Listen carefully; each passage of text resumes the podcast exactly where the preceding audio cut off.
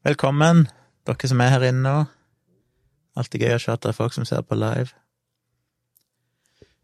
Jeg sitter her på kontoret mitt eh, spontant med min tompratpodkast, som jeg har gjort eh, live noen ganger i det siste.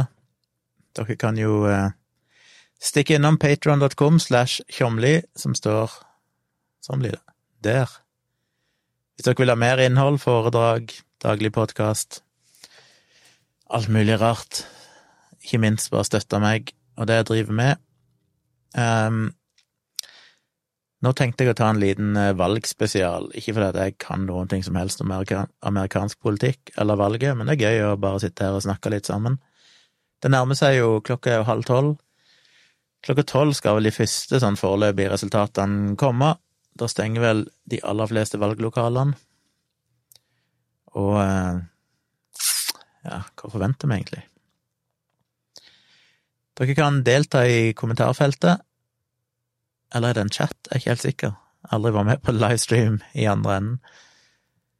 Men eh, dere kan skrive et eller annet sted. Så dukker det opp på skjermen min her, så jeg kan se hva dere skriver. André var rask på labben og skriver god aften. God after, skriver han. God aften til læreren. Har vi blitt skremt av forrige valg og målinger? Det er vel egentlig ingen rasjonell grunn til å frykte at Donald får eh, fire nye. Hilsen 150 pøls og kaldsvett.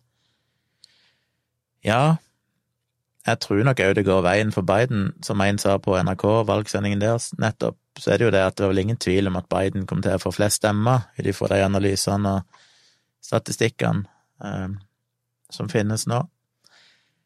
Problemet er jo valgsystemet i USA gjør at det ikke nødvendigvis betyr at han vinner likevel, fordi hver stat er jo ikke Det er jo ikke antall stemmer som teller, men det er vel antall valgmenn i de for, forskjellige statene. Så det kan gå alle veier. Eh, det er jo litt skremmende, litt deprimerende, men sånn har det alltid vært, og sånn må vi jo bare forholde oss til at det er. Men jeg må være optimist og tro at Biden skal vinne. Jeg er mer skeptisk til hva som kommer til å skje hvis ikke han vinner. Det er jo neppe noe som blir avgjort i natt. Men jeg er spent på hvor tidlig Trump kommer til å gå ut og erklære seier, uavhengig av om resultatet er klart eller ikke. Eh, det vil jo ikke overraske meg om han går ut og erklærer en seier uten noe grunnlag for det. Og hvis da i etterkant det viser seg at han ikke vant, så vil jo det bekrefte narrativet hans om at eneste måten han kan tape på, er hvis demokratene jukser. Det er det jo sikkert ganske mange som vil tolke det som at noen har juksa, for det, Donald Trump sa jo at han vant. Og hva kan skje da, det er ikke godt å si. Arnesen lurer på hvor lenge jeg har tenkt å se på eller følge med utover natta. Jeg forsto vel i stad òg at uh, jeg ikke har tid til å følge med så mye, for jeg var opptatt med jobb og forskjellige ting, uh, men uh, jeg så litt på valgsendingen i stad, og fikk vel inntrykk av at Hva var det de regner med at hvis jeg forsto det rett, Florida skulle være talt opp i firetiden i natt. Det skulle være resultater derifra, og Florida er en ganske avgjørende stat, så det er jo fristende iallfall sitte til fire og se. Men jeg vet ikke. Det er jo litt sånn nedtur at en mest sannsynlig ikke får noe resultat i dag, med mindre det er et sånn skred av eh, stemmer til Biden, for eksempel, eller en av partene. Så jeg får se hvor lenge jeg holder ut. Hei, Thomas, og hei, Andreas. Eh, ja, som Arnesen sier, om det kommer resultater så tidlig, kommer vel an på om Florida roter det til som tidligere. Ja. Håvard skriver God kveld, Gunnar, fikk du med deg siste streamen til Kråka Jakkesson? Nei, jeg kan ikke akkurat si jeg følger med på det hun driver med. Det var ganske tilfeldig at jeg så den forrige streamen som jeg lagde en video om. Eh, fortell meg gjerne hva hun snakka om der.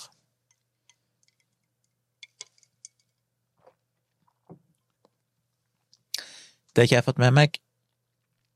Sjekk den sveisen. Her står det alle veier. Det er umulig å fikse sveisen når alt skjer i motsatt retning. God kveld, Terje.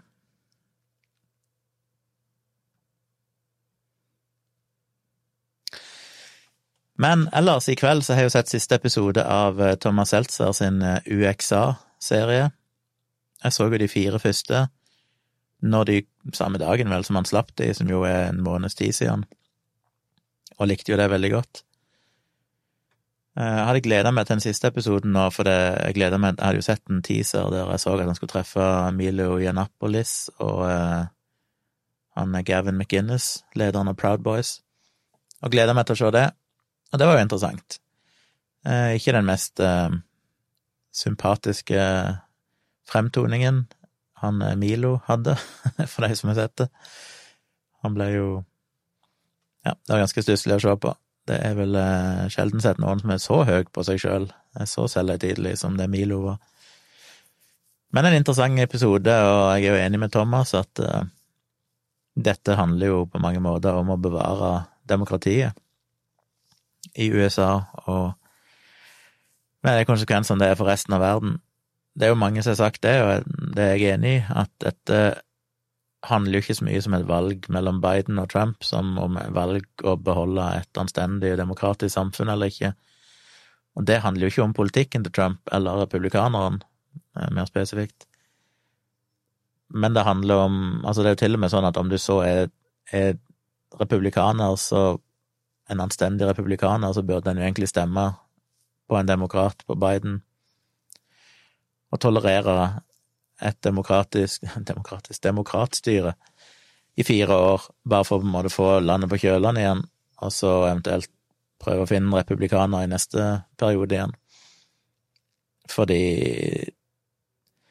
det er jo ikke Jeg tror det er vanskelig å si at det er politisk bias å ikke anerkjenne at eh, Trump har et fascistisk styresett som eh, ikke er sunt for USA og ikke for verden. Og selv om mange velgere der borte åpenbart liker han og vil si at han har gjort mye bra politisk, så tror jeg de overser de langsiktige konsekvensene av å rasere demokratiet på den måten. Så det er et viktig, viktig valg. Tindra, jeg, blir, jeg er nesten like mye spent på hvor mye kaos det blir i gaten uansett hvem som vinner valget, ja. Det er egentlig det jeg er mest spent på, det er å se utover Ja, trenger vel ikke sitte våken for det, det vil vel neppe skje noe før i morgen en gang. Tidligst vil jeg jo tro, hvis det blir noe opptøye. Men ja, det er spennende å se. Skremmende å se. Og det er jo som Thomas Seltzer har snakket om i siste episode nå, det var Det er jo media sin rolle i dette. Kom, jeg mener, de som har sett dokumentaren uh, på HBO om uh, han uh, Han som starta Fox News, han Ailes, Roger Ailes Hvordan det er på en måte undergrav demokratiet. Ikke det alene, da, men at det var kanskje den sånn mest tydelige faktoren i hvordan sannheten ikke lenger er viktig, og hvordan begge sine den politiske spekteret har blitt pressa ut i sine sine ekkokammer gjennom media, der det blir Media blir veldig, veldig partipolitisk, og sannheten blir eh, subjektiv. Og det ødelegger veldig, veldig mye, og det er skremmende.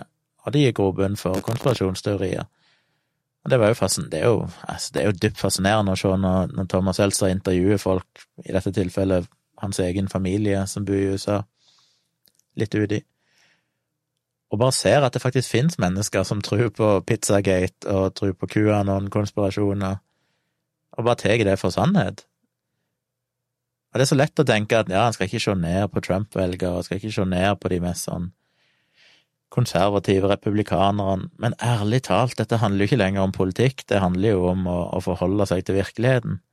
Det er jo så far out at det er bare helt, helt, helt fascinerende og ekstremt skremmende å se at folk kan være så lite kritiske at hvis noen har sagt det på TV, på en TV-kanal de liker, hvis noen har sagt det på Fox, så er det sant. Selv om det er jo helt åpenbart, det, det koster jo fem minutter research å finne ut at Jeg mener den der eh, Comet Pizza, som liksom skal være hovedkvarteret, holdt jeg på å si, til denne her eh, sexslavehandelen med barn i, eh, i regi av Hillary Clinton og co. Bare det at de kan tro at det faktisk foregår der, i en kjeller som vil ikke engang finnes i det lokalet. Så det er bare ja. Det er skremmende. Hei, Vikram. Uansett utfall så vil USA gå inn i en kritisk periode bak kaoset som vil komme så gnir russerne og kineserne seg i hendene. Blir spennende å følge med. ja, nå gikk det jo rapporter i kveld om at det var sånn robottelefonoppringninger som er ringt ut til millioner, visstnok, av velgere, og på en måte prøvd å få de til å ikke møte opp og avgi sin stemme. Jeg har ikke helt lest noe om det, informer meg gjerne, men eh, det vil vel ikke overraske meg om det var retta mot demokrater. Og hvem som står bak, vet jeg ikke. FBI har vel begynt å etterforske det, men jeg mener igjen, hvis det er russisk innblanding, så er det jo drøyt. Og hvis det, det så, virker jo såpass massivt at det er jo ikke noe hvem som helst kan gjøre, så spennende å se hva det egentlig, hva som ligger i det. Men det er jo som eh, Var det i UXA de sa det, eller var det på TV seinere jeg det, men at USA er jo det eneste demokratiske landet i dag der en faktisk aktivt prøver å hindre folk ifra å avgi sin stemme, som jo er ganske forstyrrende. Arnesen sier at for klokka, cirka klokka to kommer resultatene for Florida, sa de på NRK nå. Ja, vi får se. André sier at Milo var en fin fyr. Ja, Jesus Christ. Litt av en uh, skrue. Bård, som sagt på UXA, det er ikke Trump som har skapt kaoset, det er kaoset som har skapt Trump. Ja, det er nok mye sant i det. Trump hadde ikke kunnet vokse kom, Altså, du hadde ikke fått en Trump som president hvis ikke det på en måte allerede var en del forhold som lå til rette for det. Og så kan jo en fyr som han da utnytte det og gjøre ting mye verre. Så det er jo en vekselvirkning der. Han forsterker jo de strømningene og de tendensene som allerede var der, og som gjorde det mulig for han å bli valgt i utgangspunktet.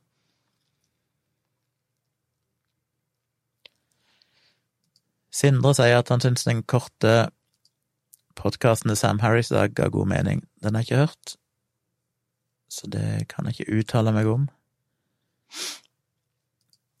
Hei A. Belotti, med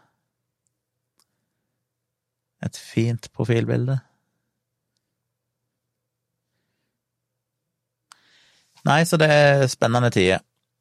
Eh, hvis dere har sett UXA i dag, siste episode, så skriv gjerne hva dere tenkte eh, om det. Ja, bra, Thomas. Husk å trykke på thumbs up, like. Kom på i dag, jeg glemmer å si det, eller jeg vil nevnt det, men jeg må jo igjen minne dere på at eh, abonner gjerne på kanalen min. Jeg burde egentlig lagt ut en sånn tekst her der det sto 'Husk å abonnere på kanalen', for det er viktig å få abonnenter.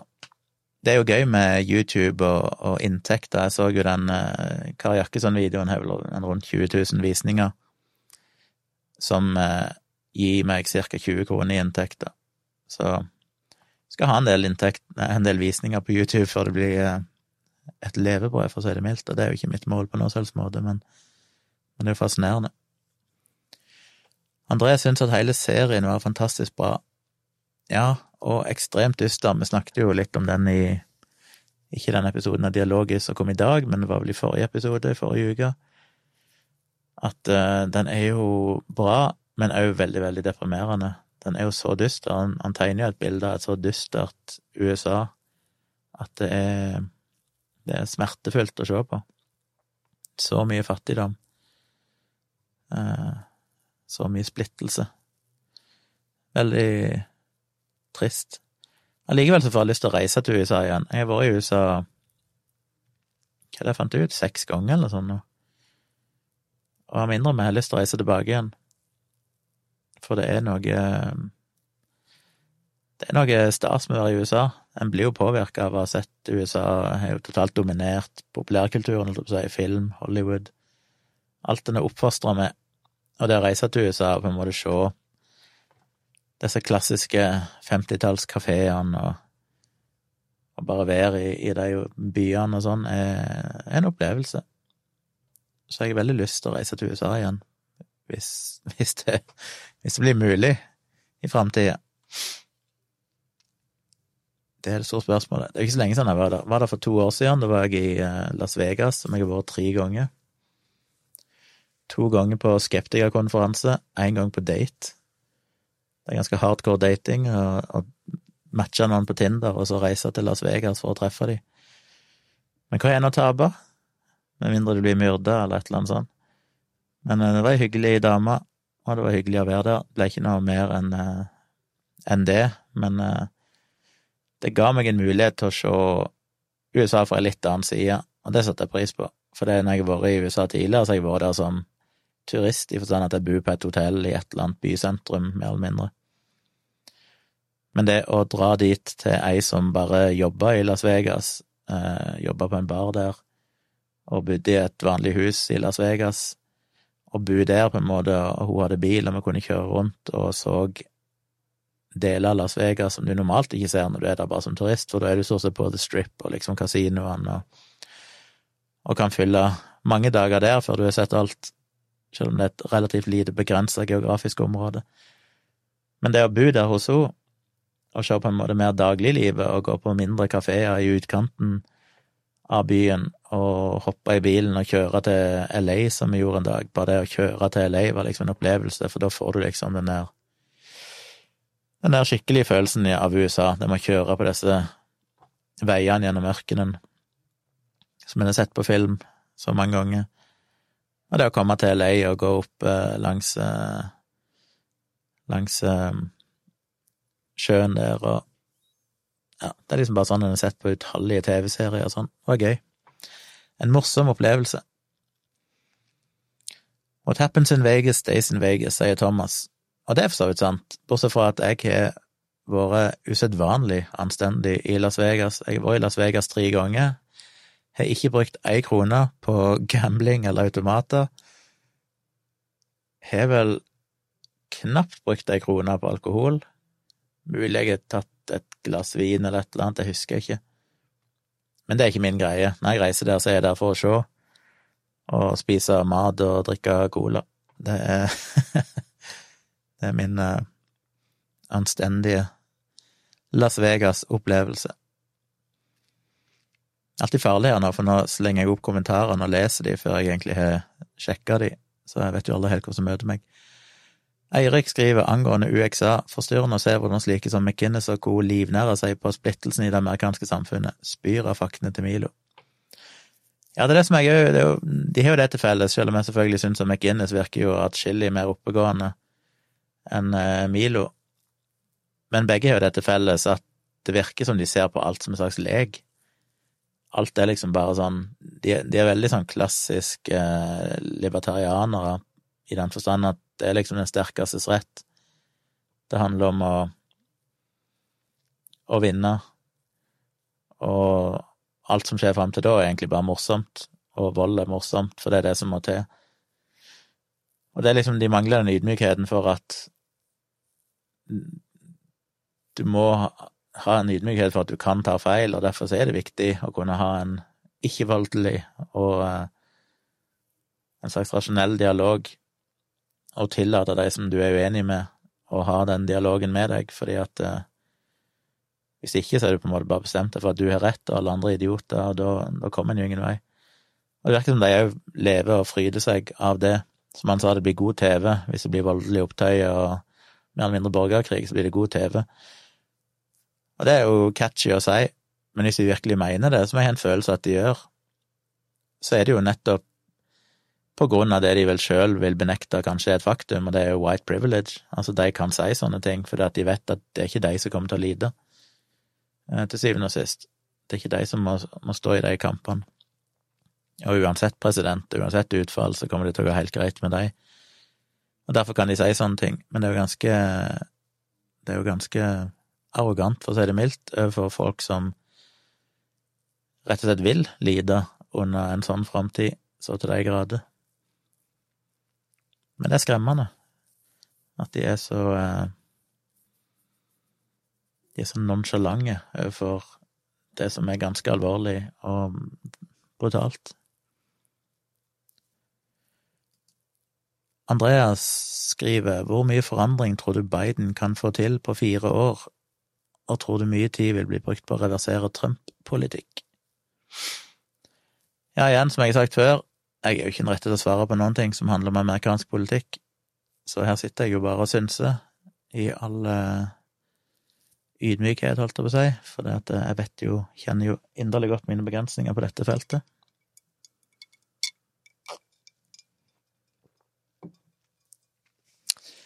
Men hvor mye forandring kan han få til på fire år? Du kan jo ganske mye. Jeg tror spesielt innenfor miljø og klima så kan han få gjort en del eh, som vil ha langsiktige virkninger. Og det er jo kanskje noe av det viktigste, og på tross av alle umiddelbare trusler, alt over seg, som kanskje virker mer presserende, så er det jo det langsiktige langsiktige planer med, når det gjelder klima. Og jeg vet ikke hvordan amerikansk politikk fungerer, hvor raskt du kan reversere ting som Trump har gjort, om det er bare når du kan bom, fra en dag til neste, så kan du endre ting tilbake igjen. Men eh, jeg håper jo han får gjort en del. Hvor mye tid vil bli brukt på å reversere Trump-politikk? Ja, gudene vet, jeg vet ikke, jeg kan for lite om det.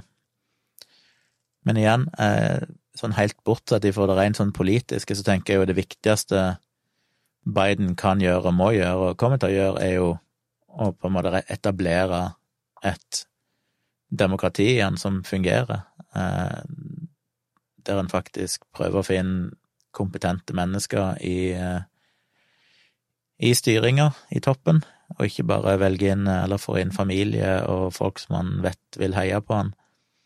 Jeg vil vel tro at Biden er litt mer nøkt, litt mer objektiv i sånne ting, og faktisk prøver å få folk som, som er flinke faglig, og ikke bare de som slikker han i ræva, holdt jeg på å si, og, og sier ja til alt han vil. Jeg ser jo hvordan Trump har holdt på, han prøver å finne folk som han tror vil gagne alt det han står for, og hvis de går litt imot han, så sparker han de og får inn noen nye. Og det er ikke en måte å drive og styre et land på.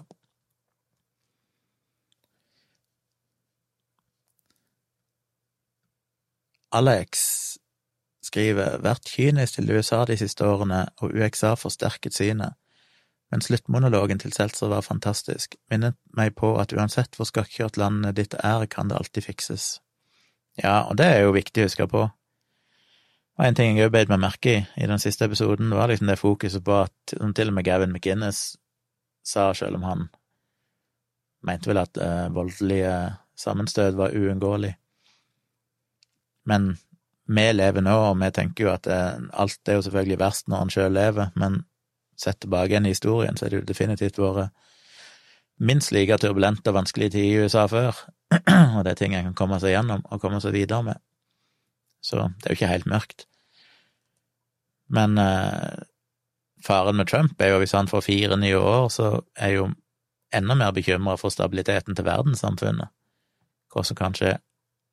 At det i større grad kan ramme òg oss, Europa.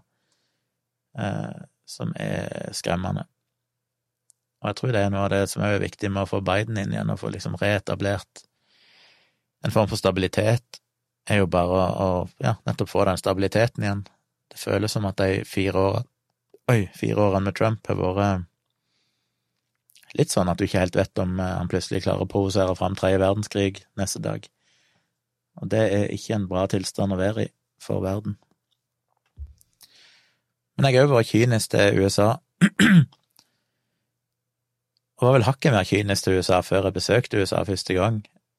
Jeg hadde vel, eh, og dette er jo veldig, veldig subjektivt og egentlig idiotisk, men jeg bodde, da jeg bodde i Kenya på 80-tallet, så hadde vi en del amerikanske venner, og det var jo bare sånne misjonærer, for det var derfor de var i, i Kenya, for å drive misjonering. Så det var veldig kristne, konservative mennesker. Og jeg husker at jeg bare mislikte de så, ikke fordi de var kristenkonservative, for i den tid så anså jeg vel meg sjøl som kristen, men det var mer bare væremåten. De var jo sånne Trump-folk hele gjengen. De hadde den der klassiske amerikanske fremtoningen der alt var bare amazing og great, og de var best, og var veldig sånn motsatt av der jeg kom ifra, pietistiske Sørlandet, der han skal tone alt ned, og veldig mye jantelov, og en aldri tør å si noe bra om seg sjøl i det hele tatt. Så kommer du der, og så var de bare sånn oh, I'm the greatest. Så jeg husker jeg bare mislikte amerikanere på grunn av mine personlige erfaringer med amerikanere i barndommen.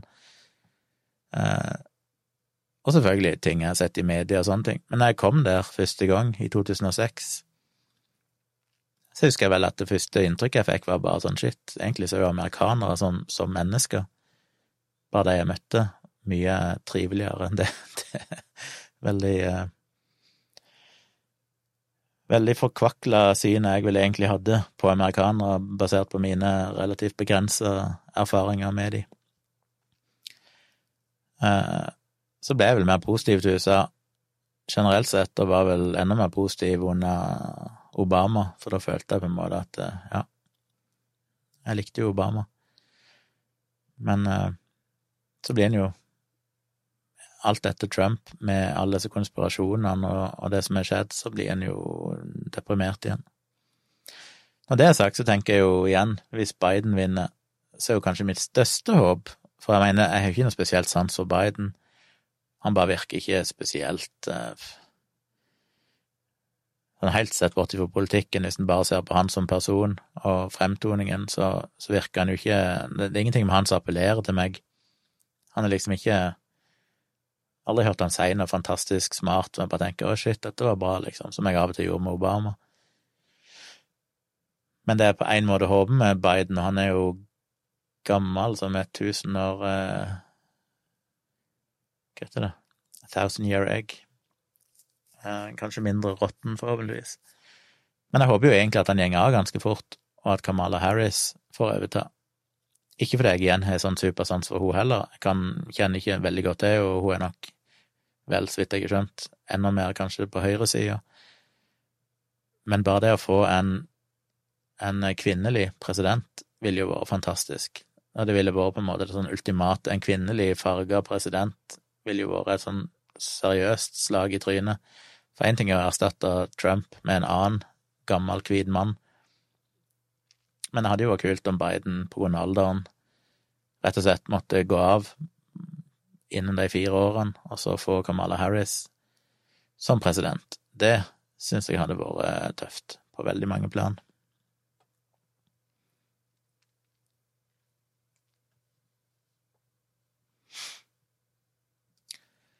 André skriver det var det jeg syntes var så rart i Rage. Det virket som om det var en plan med å få inn bra folk som ikke var hemmet av 40 år i DC, men så ble det bare nikkedukker etter veldig kort tid. Rage, hva er det? Nå henger jeg ikke med. Jeg kjenner, jeg tar ikke den referansen. Hva er Rage?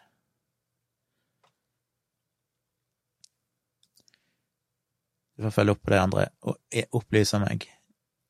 Bjørn skriver hei sann, hva slags USA får vi hvis Biden taper, men demokratene får et overledende overledende flertall eh, i Senatet?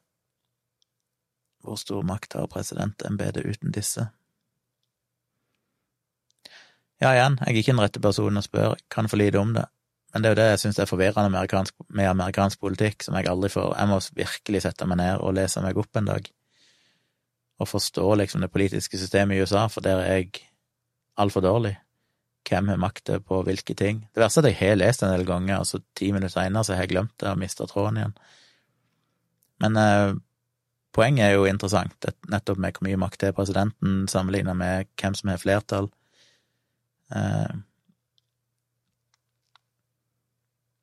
Formeligvis er presidentembetet mindre makt enn det det enn det det på en måte har i USA. Det er en av de tingene som skremmer meg i USA, det er jo hvor mye makt den ene personen faktisk har, selv om det finnes andre instanser som kan regulere, heldigvis. Men det virker litt absurd i det hele tatt at de har en sånn slags rolle der presidenten kan ha så mye makt alene, som ikke en finner igjen i Norge, for eksempel. Hei. fra besøk. Å ja, boka til Woodward. Ja, den er ikke jeg lest, så det tør jeg ikke si.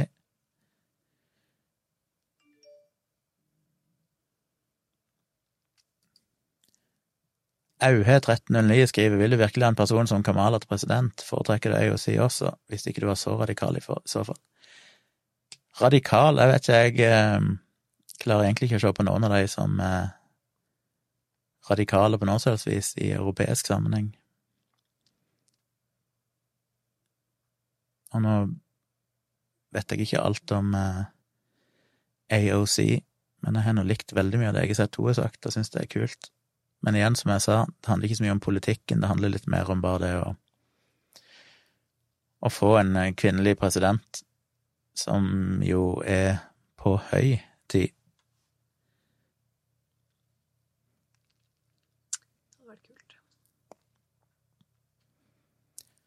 Ja, Bjørn skriver jo det samme, verken Kamal eller IOC er spesielt radikal i europeisk sammenheng. Det er vel det inntrykket jeg òg har. Det skal mye til at en amerikansk politiker blir sett på som radikal i sammenligna med det med den politikken vi er her. Pål skriver veldig bra med valgspesial. Var kanskje litt ambisiøst å kalle det for det. Oi, shit, når klokka er over tolv er det kommet noe foreløpig resultat. Jeg må inn og sjekke. Skal vi se. Det ambisiøse kaller det det, for jeg har jo ikke peiling i det hele tatt på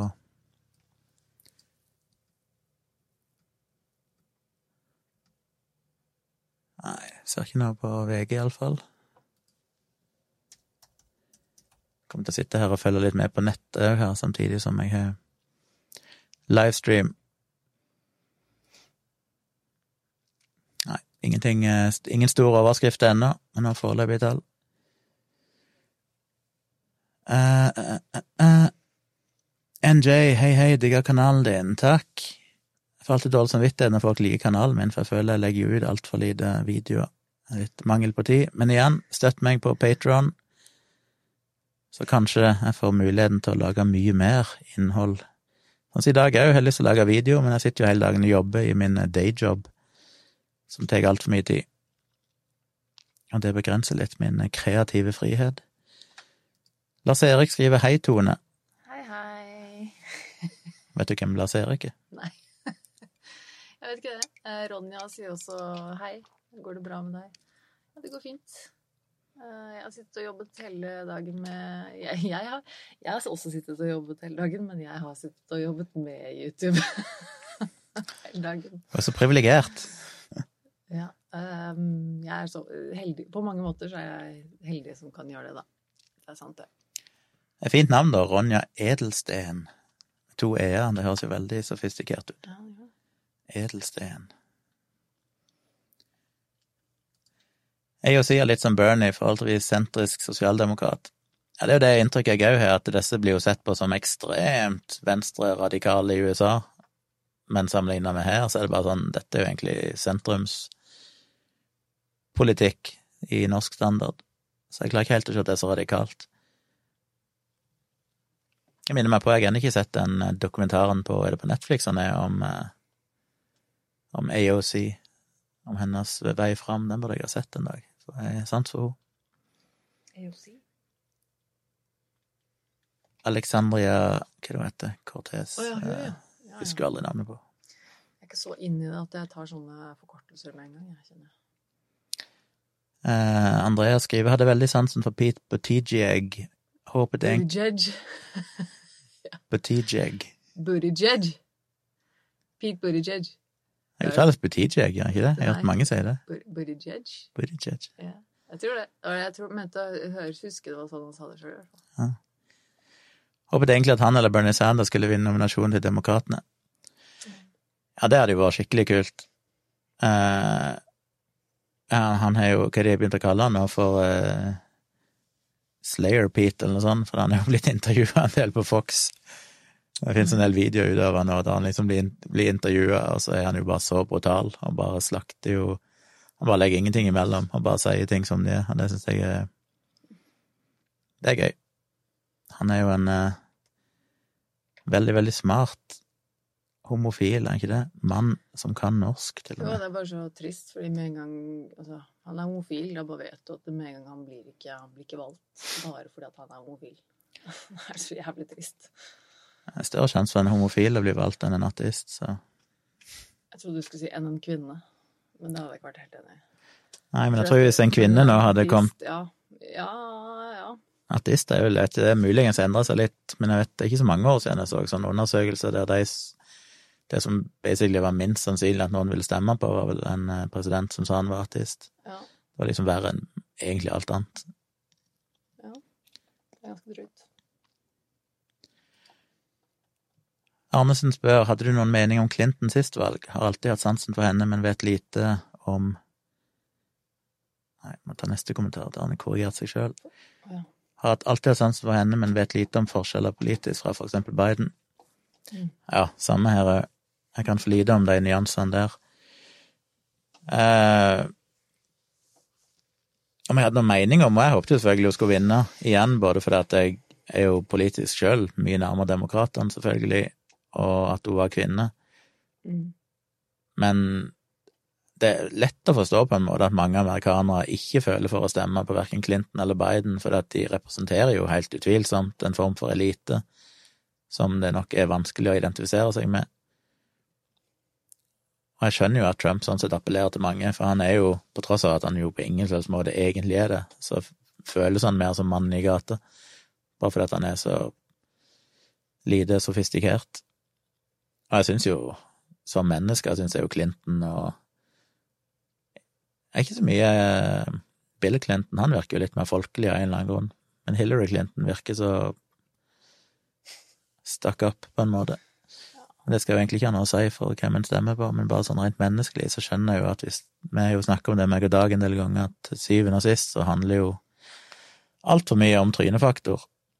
At en går på den der intuisjonen om hvem en liker som menneske, mer enn nødvendigvis hvilken politikk som er best for landet. Og det er vi jo alle litt preget av. NJ skulle egentlig game litt for leggetid, plutselig dukker du opp med livesending og greier, der blir jeg solgt. Ja, jeg har hatt en del livesendinger her i det siste, med å abonnere på kanalen min, så får du en notification, hvis du skrur på notification, som vil komme på som default, men du kan iallfall sjekke at det er skrudd på, på et eller annet sånn bjelle-ikon under videoen et sted, der du kan velge om du vil ha alle notifications, eller bare noen sånn filtrerte, viktige noen. Eh, jeg tror kanskje gaming er minst like godt alternativ, men eh, du kan kanskje gjøre begge deler. Skeptisk S skriver min mening er at USA er dømt til å mislykkes. Landet og innbyggerne er blottet for ydmykhet og evne til å lære av andre etter suksessscenene de har hatt gjennom 1900-tallet og den kalde krigen. Ja, det er jo lite som irriterer meg mer enn at amerikanere kan si noe sånn at vi er the greatest country in the world og sånn, og land of freedom og alt dette her. For det er jo en eh, fascinerende manglende selvinnsikt. Um, og som eh, Harald Eia viste i dette TED-foredraget sitt, og vil jeg over innom i denne her eh, Sånn er Norge. Amerikanere har jo fortsatt en idé om at deres politikk er det som må til for å kunne skape vinnere, på en måte. Altså folk som har suksess og blir milliardærer, og så videre. Men statistikken viser jo at per, per innbygger så er det jo flere som klarer det i Norge, som har et styresett som amerikanere syns er basically kommunisme og tror at det ødelegger alle muligheter for folk å hevde seg, så er det ikke helt skjønt at for å hevde deg, så må du ha et godt fundament, og et sosialdemokrati som vi har, legger bedre til rette for det enn eh, et land der det på en måte i stor grad er den sterkestes rett. Folkedypet er svært konservativt og skeptisk til myndigheter, selv om man skulle prøve å få gjennom reformer. Ja, de kommer seg helt, aldri helt ut av dette her i USA, den der enorme ideen av eh, at staten skal være eh, minst mulig, en sånn dyp skepsis mot eh, staten og myndighetene. Og generaliserer jo litt, men det føles som at det er mer utbredt der enn her. Her har vi nok en ganske sterk tillit til staten og myndighetene, og det virker som at det ikke helt finnes i USA på samme vis. Bjørn skriver at han er forundra over demokratene. De hadde fire år til å finne en kandidat som kunne slå Trump. De hadde mange gode kandidater, men havna på Biden. Mange av de hadde hatt mye større appell. Ja, jeg er helt enig. Jeg òg syns det er rart. Men jeg vet ikke helt hvordan de prosessene fungerer, og hvilke kriterier de legger til grunn. Jeg blir altså ganske sjokkert over oss. Det er en stol her bak. Snu han. For jeg òg tenker jo at Biden er jo ikke en Bare sånn rent personlig. Jeg tenker jo at hadde det vært en hvilken som helst annen republikansk kandidat enn Trump, så tror jeg ikke Biden hadde hatt sjans. Jeg tror eneste grunn til at han har sjans nå, og forhåpentligvis, og kanskje sannsynligvis kommer til å vinne, er at det tross alt er ganske mange som har vendt Trump Trump-ryggen siden sist, virker det som, som har fått litt avsmak for det de har sett skje de siste fire årene. Jeg må bare inn på nettet igjen og bare se om det har skjedd noe. Nei, ser fortsatt ikke noe noe der. Så ja, jeg er enig. Jeg er jo litt forundra at ikke de klarte å, å dra fram en bedre kandidat enn Biden. Men hvis han vinner, så igjen, så håper jeg at han er så gammel at han gjenger av etter et års tid, og så kan Kamala Harris overta igjen. Ikke fordi jeg nødvendigvis syns at hun er den mest fantastiske politikeren, men bare fordi det hadde vært jævlig kult. Jeg tror det hadde vært en eh, tror definitivt det er noe som USA trenger. Jeg mener, i, i Europa så er det jo vanlig, og vi har hatt det lenge, med kvinnelige statsledere. Og USA henger bare så bakpå, og jeg tror de trenger på en måte Jeg tror de trenger det som land, å bare ha en kvinnelig president, bare for å vise at det på en måte er mulig, for det vil gjøre det Vil på en måte plutselig gjøre det mulig å få dobbelt så mange potensielle presidentkandidater i framtida. Nå selekterer vi jo, eller selekterer de jo aktivt vekk halvparten av de mest kompetente menneskene der, fordi det alltid er en mann. Arnesen skriver at han skjønner ikke all motstand mot elitene, som også brukes mot Støre og så videre. Nei, både òg. Jeg, jeg, skjønner heller ikke den motstanden mot elitene når det gjelder gjelder en del ting. Eh, når det gjelder elite, når det gjelder kunnskap og sånn, da skjønner jeg det ikke. Når det er en slags idé om at folk som faktisk hva de snakker om, har en Hvorfor klarer jeg ikke å feste den her? At det er noe galt per definisjon av det. Jeg skjønner det mer når det gjelder mer sånn sosial status. Eh, for jeg òg kan synes det er vanskelig å, å eh, Folk trenger jo ofte å kjenne seg igjen i en leder. Den, den lederen skal jo på en måte være en person som taler deres sak. Og hvis det er et altfor stort gap mellom det livet en lever sjøl, og det lederen i landet lever, så kan det kanskje være vanskelig.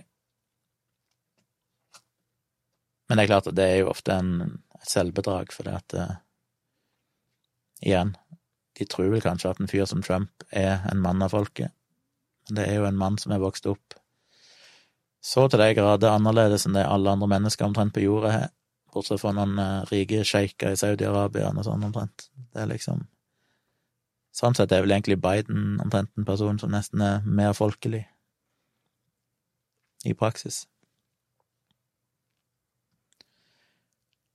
André skriver de er det minst frie vestlige land, 1% bak murene, dobbelt så mange som andreplassen Sør-Afrika. Ja, og det henger jo Det er jo litt den der ideen om eh, Om å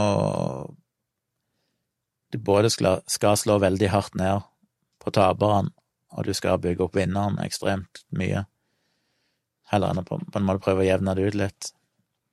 Så ikke bare har en en sånn overdreven tro på at folk skal kunne den American dream, at alle skal kunne bli milliardærer, som gjør at de aksepterer mye piss, fordi at alle tenker at ok, det er kanskje urettferdig, men en dag er det kanskje jeg som er den promillen som faktisk lykkes, og da vil det komme meg til gode, så derfor så stemmer jeg på en politikk som eh, styrker mulighetene til de som allerede er privilegerte og rike. Og samtidig skal de slå latterlig hardt ned på kriminalitet på en helt inhuman måte, som gjør at de har enorme antall av befolkningen sitter i fengsel, uten at det sannsynligvis hjelper spesielt mye, tvert imot.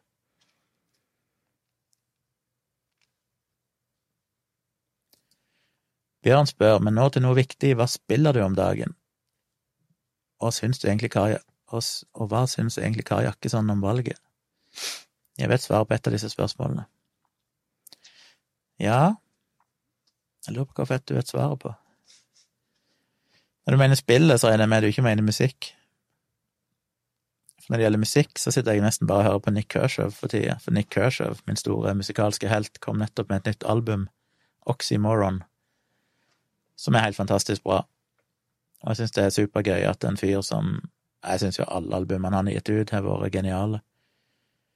Uh, Han hadde jo en pause på 90-tallet, men så kom han jo tilbake igjen i 98 eller 99 med et album, og etter det har han gitt ut hvor mange er det nå, fire-fem album med noen års mellomrom, og jeg ble nesten overraska. Det er mange av de der gamle heltene jeg har fulgt i mange år, som jeg ikke egentlig hører på lenger, for jeg syns det de har gitt ut de siste årene, etter sin storhetstid på 80- eller 90-tallet, har vært ganske labert. Men Nick Kershaw, han klasker til i 2020 med et album som var et av de beste jeg har hørt. Så det hører jeg på når det gjelder musikk. Eller det spiller jeg når det gjelder musikk. Eh, hvis det gjelder dataspill, så spiller jeg jo ingenting. Det har jeg vel sagt en del ganger tidligere i diverse podkaster. Hva du spiller Tone? Hva spiller jeg? Jeg spiller jo ikke så mye for tiden, jeg heller. Det blir et uh, spill på Nintendo Switch iblant. Ja, det er ikke så mye gaming nå for tida. Men hva syns Kari Jakkesson om valget, da? Jeg regner med det er et eller annet konspiratorisk, eller at hun eh, Jeg mener hun er en person som er truende til å bare svelge kuene konspirasjoner sånn rått, så gudene vet. Du får opplyse oss, Bjørn, hvis det er det du vet svaret på. Alex spør, for å snu det litt, er det noen typiske meninger i det amerikanske tankesettet du mener vi kunne hatt godt av å adoptere i Norge?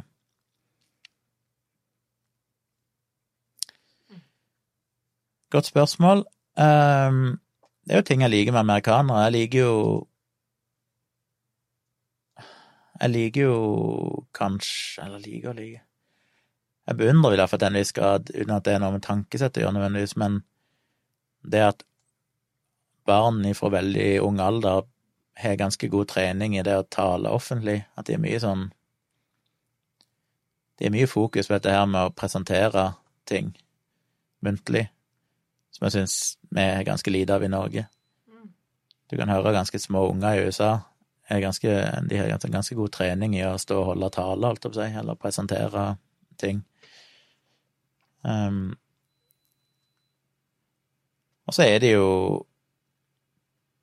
et de, Jeg er så blanda, men en del av meg savner jo, eller misunner jo litt den der eh, Litt sånn gammeldagse, kanskje, men den der respekten de har med liksom kaller folk sir og sånne ting. Ikke at jeg ønsker det direkte i Norge, men det er mer den mentaliteten at du har en veldig sånn formell eh, respekt mellom mennesker. Samtidig så liker jeg veldig at i Norge så er vi veldig sånn folkelige. Men det er et eller annet med det å komme til USA og plutselig føle at folk behandler hverandre på en litt annen måte på de positive sidene, kan være bra. På den annen side så føles det jo ekstremt fake, mye av det. Den der eh, 'how are you', som jeg har brent meg på mange ganger, for jeg tror alltid du skal svare på det. Sånn, å, jeg begynner, for jeg er jo halvt engelsk. Og min mor har jo prenta inn oss at når noen spør 'how are you', så skal du liksom si 'oh, I'm fine, thank you'. Så hver gang amerikanere kommer til meg og sier 'how are you', så svarer jo jeg 'I'm fine, thank you', og så ser de bare rart på meg, for du skal jo egentlig bare svare 'how are you' tilbake igjen, eller et eller annet sånt. De spør ikke for å få et faktisk svar, pluss at amerikanere sier jo ikke 'I'm fine', de sier 'I'm good'. Og jeg har jo alltid lært opp til at i England sier du 'I'm good', så betyr jo det at uh, du er forsynt, eller du er, du er bra som person. Uh, fine og good er jo to forskjellige ting. Så selv om jeg setter pris på mye av den der på en måte mellommenneskelige respekten de har, måten de omtaler hverandre på og sånn, så det er jo veldig mye av det som føles fake, som jeg ikke liker. Så Vet ikke, jeg kom ikke på noe i farten. Er du noe gode Er du noe amerikansk tankesett du skulle hatt mer av i Norge? Um, nei. Jo, kanskje litt, litt mindre Altså, jeg syns eh, vi har til tider litt mye jantelov i Norge. Ja. Og i USA har de veldig lite jantelov. Eh, litt, litt for lite kanskje. Men jeg tenker at det hadde vært deilig å, å ha litt den uh, selvsikkerheten som amerikanere har. Ofte. Være litt mer sånn imøtekommende og selvsikker og liksom de, de For det, det, er, det er ting jeg liker med amerikanere, at de er veldig imøtekommende og liksom veldig sånn eh, snakker lett med folk og liksom fremstår som veldig sånn varme og imøtekommende mennesker, da. Eh, det er ikke så mye jantelov ute og går, på en måte. Nei, jeg husker det da jeg var liten, som sagt, bodde i Kenya, og vi møtte amerikanere. Det, det den klassiske forskjellen på amerikanere og nordmenn, det var jo at når vi var små, og hvis vi hadde tegna som barn da satt og tegna en tegning, så var jo min reaksjon jeg skulle, hvis en voksen kom for å se på han, så sa jo jeg med en gang 'Å, det var så dårlig, og det var så stygt, og jeg er så dårlig, jeg får ikke til dette her'. Mens amerikaneren var helt motsatt. Jeg var sånn 'Look at this, aren't I great?' Og de er bare sånn stolte for det de gjør, mens vi alltid lærte opp at du skal på en måte undergrave alt det du gjør, og få det til å fremstå som dårligst mulig, for det er igjen denne janteloven, du skal ikke tro du er noe. Og selv om jeg syntes det var litt motbydelig, så tror jeg nok vi hadde hatt godt av kanskje å ha litt mer av det, at vi kanskje kunne være i stand til å være stolte av det vi, vi klarte å få til. Hvis noen andre har noen innspill på det, hva er det med, er det noen meninger i det amerikanske tankesettet vi kunne hatt godt av å adoptere til Norge, skriv det i kommentarfeltet. Interessert i å høre hva andre tenker om det. NJ skriver helt enig med det du sier angående kvinnelig president, bare se til Merkel, mitt inntrykk er at hun er en stødig leder, er selv mann og kjenner jeg er lei av det gamle, hvite menn. Ja. Jeg tror det er mye å si for mentaliteten, mer enn det mange kanskje tenker. Det er ikke bare sånn at du får en amerikansk president, og så oi, nei, kvinnelig president. Det har utrolig mye å si for å forme synet folk har på kjønnsroller, og ikke minst det synet jenter vil ha i USA på muligheten deres til å kunne bli president. Altså, det skaper mye ambisjoner. Eh, jeg tror det vil snu, kunne ha veldig store positive ringvirkninger, uavhengig av om det var en republikaner eller en demokrat. og Uavhengig av politikken, bare det viser at dette går an. Det er jo på en måte som Obama, når du plutselig fikk en svart president så det er plutselig ikke en issue lenger. Nå er det plutselig sånn at ok, en, en, svart person i USA kan bli president. Nå er den barrieren brutt, og da er det plutselig Trenger ikke mer enn én person, så er det liksom normalisert. Tindra skriver angående tiltro til myndighetene, så har Sånn er Norge-serien med Harald Eia en interessant episode om blant annet dette temaet. Ja, stemmer det. Anbefales jo på det varmeste, som jeg har gjort i Dialogisk. Jeg elsker jo den serien. Anbefaler folk å se Sånn av Norge. Syns den eh, er ekstremt godt pedagogisk og presenterer veldig mange viktige poenger eh, som folk er godt av å høre. Anomi skriver over 30% av dem som stemmer Biden, sier det først og fremst er en stemme mot Trump, ifølge CNN, hvis jeg husker rett nå. Ja, det er det nok, men jeg tror ikke de 30 hadde stemt eh, Trump uansett hvem som eh, Eller stemt republikansk, uansett om det var en annen person der, nødvendigvis. Fordi så mange har vel ikke Det er vel folk som uansett ville stemt demokratisk, for det meste. Det var dataspill Bjørn sikta til, ja. ja. Nei, jeg spiller ikke noe dataspill for tida. Det er nesten 20 år siden jeg drev på med det. NJ presiserer at det ikke er noe galt i å være hvit og gammel, Nei, det er det ikke.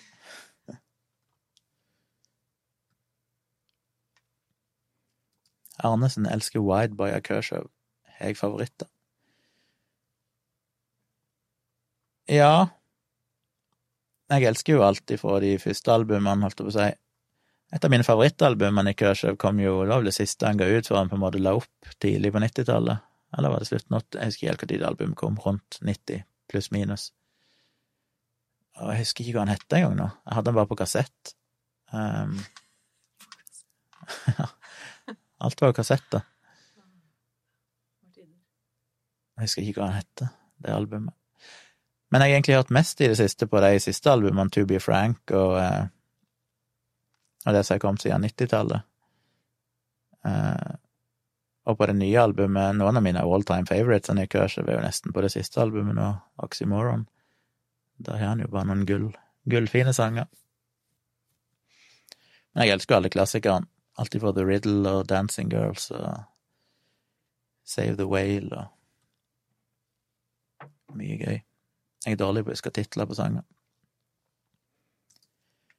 Skeptisk S skriver angående eliter er en viss skepsis sunt. Eliter ser gjerne ting i et litt snevert perspektiv.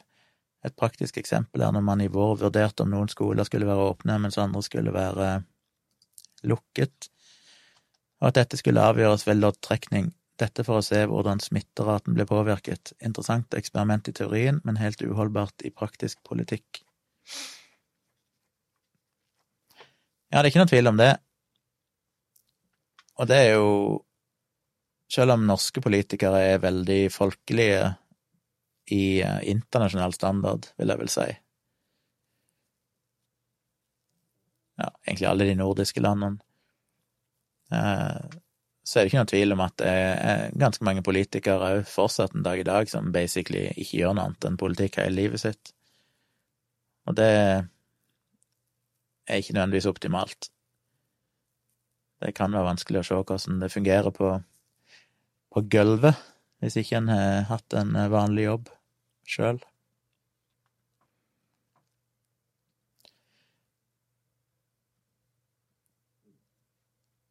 Ivar spør har jeg en mikk til Tone. Nei, men jeg har det i morgen. jeg har bestilt, så i morgen får jeg en tilsvarende mikk, som jeg snakka en del om i gårsdagens livestream.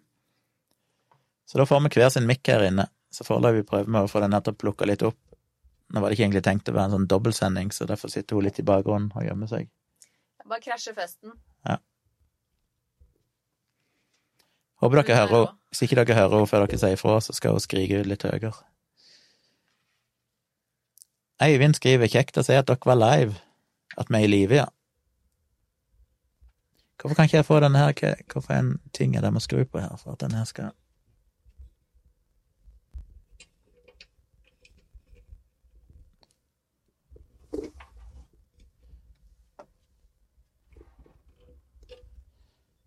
irriterende.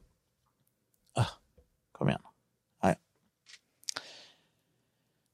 Thomas skriver ikke enig i det med å presentere ting for alle. Noen barn og ungdommer sliter med sosial angst og er ikke klare for det på et tidlig tidspunkt. Vet om flere sjenerte innadvendte det blir folk av. Ja, selvfølgelig, jeg er jo en av de som jo heller ville ha dødd enn å snakke foran folk, men det er nettopp derfor jeg tenker at hvis en begynner tidlig å normalisere det, så tror jeg ikke nødvendigvis at Altså, jeg jeg tenker jo kanskje jeg hadde hatt godt av det, og, og lært litt det å presentere ting for folk i en tidlig, i en ung alder. Det kanskje kunne ha motvirka litt av den der eh, sjenansen og angsten. Men sånne ting kan jo alltid selvfølgelig slå begge veier. Det kan gjøre vondt verre.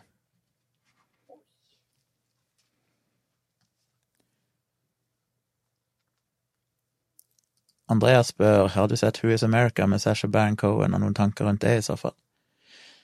Ja, jeg har jo sett det, men det begynner å bli så lenge siden nå at jeg eh, vet ikke hvor mye tanker jeg har om det lenger. Jeg husker ikke Jeg syns det var glitrende underholdning, og vi snakket jo litt om det igjen da i forrige episode av Dialogisk, meg og Dag. Så var vi jo litt innom Who Is America òg. Men eh, jeg liker jo Syns jo Sasha Baron er fantastisk i egentlig alle karakterene han er. Og det er jo en interessant måte Nei, det er alltid litt sånn bismak. Det er jo en interessant måte å få høre hva folk faktisk mener. At du får på en måte den der litt sånn skjult kamera, der folk plutselig er seg sjøl og sier det de egentlig mener, heller enn å pakke det inn og, og fremstå bedre enn det de er. Samtidig så er det alltid litt vondt med sånn å lure folk til å si ting. For det er ikke noe tvil om at deler hadde blitt tatt litt ut av kontekst og fremstilt som verre enn det det er. Uh, litt sånn som den Giuliani-sekvensen nå i den siste Borat-filmen, som jeg vel føler vel ble litt feil fremstilt, selv om det definitivt var kritikkverdig i det han gjorde, så ble det likevel fremstilt som verre enn det det var, etter mitt syn. Men samtidig så er det jo noe i Who is America som var såpass eh, ekstremt at eh, jeg tror ikke akkurat det var noen feiltolkning eller ting tatt ut av kontekst. Og jeg tror det er viktig på en måte òg, å på en måte vise det. Og det er jo det som er litt interessant med den der UXA-siste episoden, der òg han som sa at han demokratvennen, eller slektningen til Thomas Seltzer, som sa at eh, at du bare merka de siste fire årene at rasismen var blitt mye mer tydelig og uttalt. Og det er det jo mange som har sagt. Jeg har aldri helt visst hvor sant det er, om det er bare et inntrykk folk er, eller For du vet jo aldri. Det blir ofte subjektivt. Men jeg tror nok det er vel relativt godt etablert at Trump har jo vært en banebryter for at folk som tidligere var skjulte rasister, nå på en måte kan si det, uten skam, holdt jeg på å si. Og det er jo litt det eh, Sasha Baron Cohen òg gjør, han får jo folk til å si de tingene de egentlig mener, men normalt kanskje ikke sier offentlig. Men jeg syns, uansett hvor groteske ting en del av de sier, så syns jeg, synes jeg fortsatt litt synd på de, å bli avkledd på den måten og vist for hele verden. Det er det er litt vondt. Dag, din jævel. Mm? Dag Sørås, kjenner du han, eller? Ja, han er jo Thomas skriver sånn at Norge har fantasi, så tenkte jeg hæ? Liv. Ja. Tenkte du så under? Ja, så fortsatte han og mente egentlig å skrive fantastisk. Burde være pensum på skolen nesten, oppsummere alt vi er og står for. Jeg er enig i det, jeg tror faktisk at uh, på ja, kanskje på ungdomsskolenivå iallfall, eller iallfall videregående, men kanskje ungdomsskole, så burde faktisk alle sett de episodene. For de syns jeg har hatt liksom en drøfting av de etterpå. De varer vel bare kvarter 20 minutter, så du har tid til å vise en i en skoletime, og så bruke resten av timen på å diskutere litt, for det er ekstremt viktig, syns jeg, mye av det som blir sagt der. Bjørn er 49 og vokste opp med Kershaw. Hørte et intervju med han på podkasten Soda Jerker on Songwriting. Gjenoppdaget han litt. Han har det fremdeles, ja. Ja, som jeg har sagt til deg kjedsommelig, det jeg elsker med Nick Kershaw, er jo at han er i stand til å lage catchy, fengende musikk, men så er det alltid mer komplekst enn det en tror. Jeg hørte jo det nye albumet ganske mange ganger før jeg plutselig begynte å oppdage at oi, shit, denne sangen går i sju fjerdedelstakt, og denne sangen går i fem fjerdedelstakt. Men han kamuflerer det så godt at du merker det på en måte ikke. Det er liksom Du har de som lager musikk i fem fjerdedelstakt og på en måte gjør et nummer ut av at det er fem fjerdedelstakt, mens han på en måte klarer å arrangere det på en måte så du egentlig ikke merker i det hele tatt at det er litt utradisjonelle taktarter. Og han har jo en jazzbakgrunn, så det er jo interessante jazza vendinger i veldig mye av det han gjør, og jeg vet ikke om det er så mye av det på siste albumet, men han har jo mye sånne rare ting på de tidlige albumene der du har introen i én toneart, og så idet han begynner på verset, så bare plutselig modulerer han til en ny toneart, sånne ting som er litt uvanlig. Men sjekk ut eh, Oxymoron med Nick Hershaw, ligger på Spotify. Hør den et par ganger, så tror jeg dere blir glad. Bortsett fra Dag, da han kommer til å hate det. Dag lurer på om det er noen sjanse for en trekant i løpet av sendingen. Det kunne det vært, hadde vi vært tre her, men uh... Få komme da, Dag. Se hva vi får til. Nek jeg tror ikke du kommer til å dukke opp. Feigt, ass. hvis du kommer, Dag, og jeg kan la kameraet stå på, så skal jeg faktisk være med på en trekant med deg. Jeg tror jeg vil gi ti tidenes ratings på min YouTube-kanal. shit. Å ja. Det hadde blitt ratings, skal jeg love deg. Da begynner vi så vidt, og så stenger jeg ned og lukker det inn på Patron, så folk må bli patrons for å se resten. A wild Dag Seros appears. Ja. Skulle tro han hadde bedre ting å gjøre enn å se på livestreamen her. ikke det, vet du. Ikke det. Om jeg eh, Resultatet nå, Biden er 217 sikre, Trump er 126 sikre. Men det sier jo fryktelig lite foreløpig, men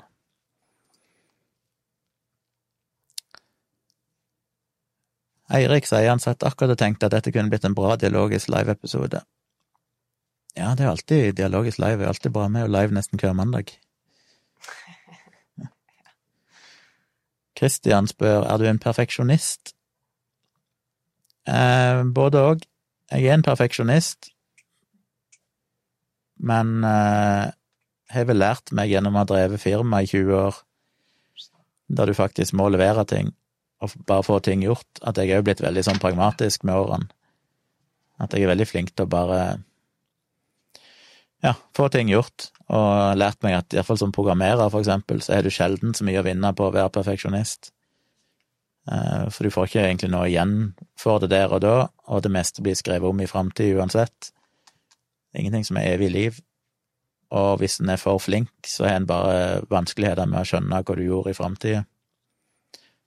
Det er det verste som finnes med å være programmerer. Du gjør av og til ting som er så geniale at uh, tre år seinere, når du ser på koden, så tenker du shit, hva i all verden var det jeg mente, hvordan, jeg skjønner ingenting av dette her. Hvordan kunne jeg være så smart? Så av og til er det bedre å Det hender av og til at jeg har ting som jeg vet dette kunne jeg gjort veldig smart, men jeg gjør det på en litt dummere måte, for da er det så utrolig mye lettere å lese koden og faktisk forstå hva som skjer, med mindre du da begynner å kommentere masse og forklare hver eneste ting du har gjort. Jeg liker at koden er relativt sjølforklarende uten å måtte kommentere absolutt alt. Men eh, perfeksjonist til en viss grad, ja. Eller egentlig det. Jeg kalte meg alltid perfeksjonist, men jeg føler jo egentlig i morgen nå at jeg er blitt mer og mer bare sånn lat og bare vil ha ting gjort. Mer enn perfeksjonist er det vel mer at jeg eh, har en høy standard, at jeg vil at ting skal være bra hvis jeg gjør det.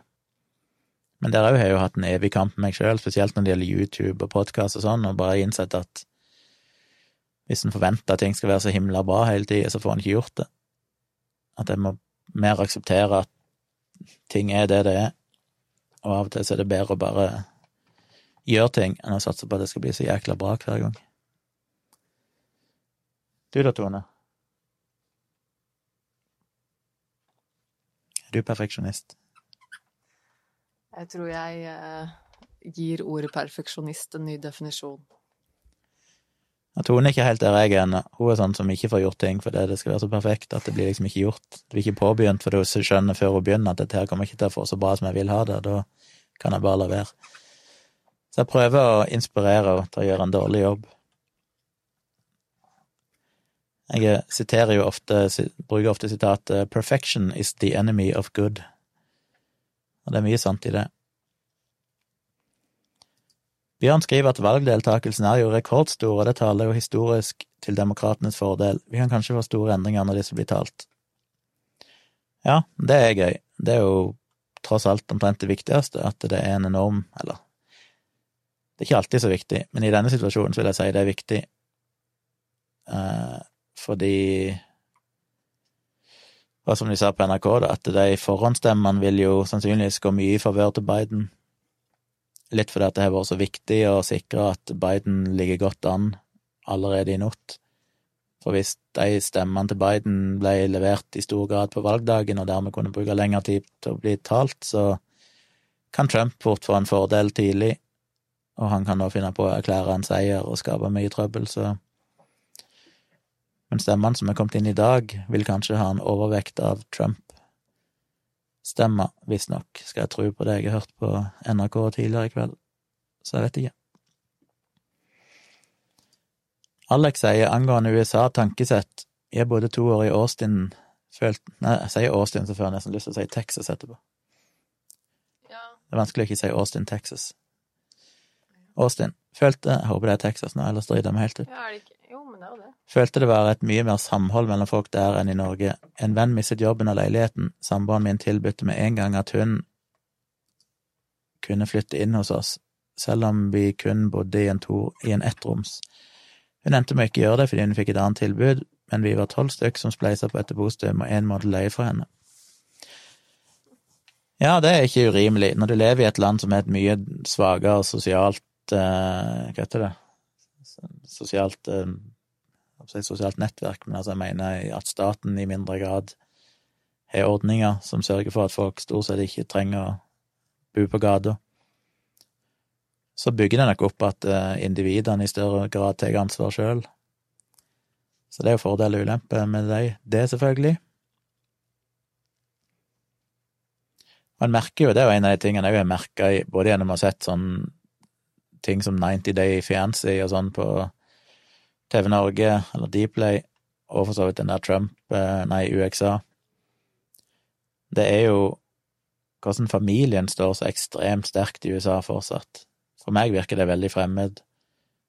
Den der enorme At familien er så viktig. I Norge så er jo ikke familien så viktig, enten at du selvfølgelig er glad i familien, og alt sånt, men du er ikke avhengig av familien helt i samme grad som de i USA. I USA merker du veldig mye mer at folk er ekstremt avhengige av foreldrene sine og, og har liksom det nettverket rundt deg, for du har jo ikke noe støtteapparat i samme grad som i Norge ifra myndighetene sine sider. Det er ikke noe sikkerhetsnett, på en måte. Og det bygger jo opp at familien blir en veldig, veldig viktig faktor, som de nok har i større grad der. Så jeg tror nok dette med liksom communities og nabolag og familier og kirker og alt dette her, av den grunn står mye sterkere i USA, som jo kan være veldig positivt på mange områder. Samtidig er jeg på en måte glad at vi lever i et land der det ikke nødvendigvis er så viktig, fordi vi har et sikkerhetsnett uansett. Bjørn, eh, ja, det var det du sa i stad. Alex, kan hende gjengen vår var selvfølgelig bare veldig hjelpsomme og på ingen måte representativt. Kanskje, men jeg tror det du sier stemmer. Det er litt mitt inntrykk òg, som jeg nettopp forklarte, at uh, fordi du mangler dette sikkerhetsnettet, så, så tvinger det seg kanskje fram en større grad av hjelpsomhet mellom folk. Anomi, anomi. Enig med deg om at jeg selv ville hatt godt av å bli pusha til å snakke mer foran folk, eksponering av noe av det som funker best mot angst. Men vanskelig å generalisere eller lage en oppskrift som passer bra for alle, veldig individuelt hvordan angsten slår ut. Ja, det er akkurat det. Det krever jo ekstremt mye av lærere og sånn. De må jo gi deg evne å gi deg en følelse av mestring. Det blir litt som eh, kroppsøving for min del, gym. Det er jo ikke sånn at jeg følte meg tryggere på gym hvis jeg bare ble pressa til å drite meg ut med en fotball, liksom. Eh, men hvis du har den rette læreren som klarer å gjøre det til en På en eller annen måte gjøre det til en god opplevelse uansett, som jeg har hatt eksempler på sjøl, og som jeg vet det fins, så kan det være positivt. Så det handler jo veldig mye om hvordan du framer det, hvordan du får gjennomført det i praksis så tror jeg nesten det å bli pusha til å gjøre ting som en kanskje ikke føler seg trygg på, stort sett er en god ting. Så jeg tror nok òg at jeg hadde hatt godt av å lært mer å prate foran folk. Men jeg lærte meg jo veldig mye av det sjøl i godt voksen alder, da jeg begynte med å holde foredrag og holde kurs for, i firmasammenheng og sånn, så følte jeg jo jeg fikk en sånn eh, superrask lærings, bratt læringskurve, men som var veldig nyttig som gjorde at selvtilliten min gikk liksom ifra der til der på ganske kort tid, bare fordi jeg ble tvunget til å plutselig bare måtte gjøre noe som jeg syntes var helt grusomt, og følte at jeg for så vidt mestra det. Og...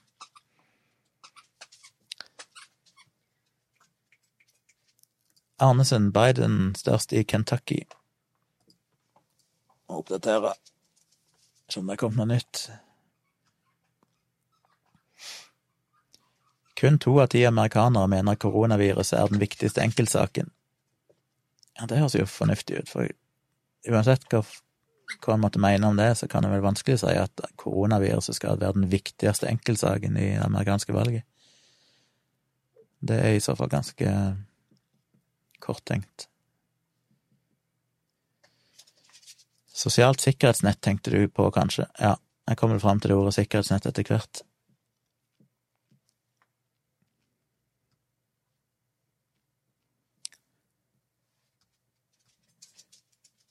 Kjør på med kommentarer og spørsmål hvis dere har noe fornuftig å si. Skal jeg sjekke VG her. Er det noen som har noen resultater dere vil meddele? VG sier null til Biden, null til Trump foreløpig. Det har ikke kommet med noen tall i det hele tatt. De sier at de første resultatene ventes klokka ett. Jeg så det var Kanskje til uh, valglokalene begynte å stenge, eller? Ja, de skulle egentlig stenge tolv, men det var vel ett lokale som i hvert fall ble 45 minutter utvida fordi de hadde åpna for seint og sånn, så det er vel noen forsinkelser her og der. Men de har begynt å stenge nå.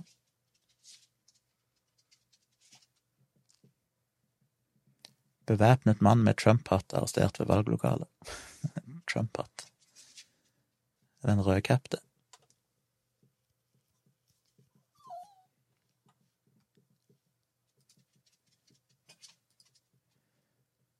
Se hva Aftenposten sier.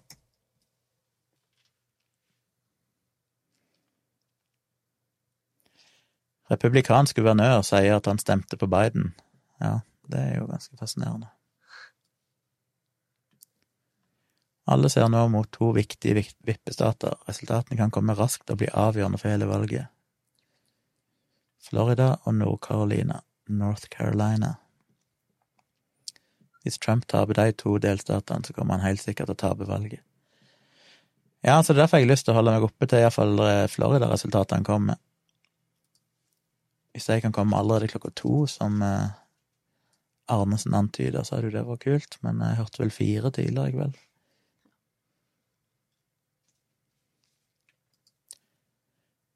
Bjørn kom med vanskelige spørsmål som jeg aldri føler meg kompetent til å svare på. Har du teorier om hva som har skjedd med GOP, GOP?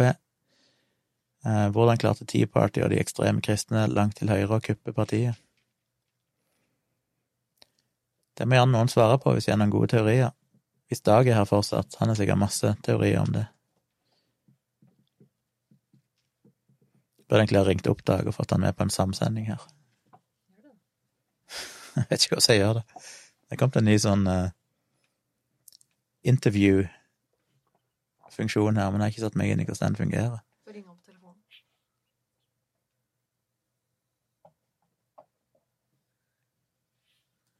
Hvor er interview? Der. Turn on interview. Turn jeg on interview.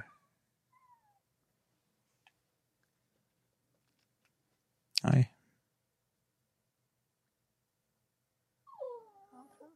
Ja, Dag, er du med på et intervju? Han sier ja. Jeg hører det lang vei.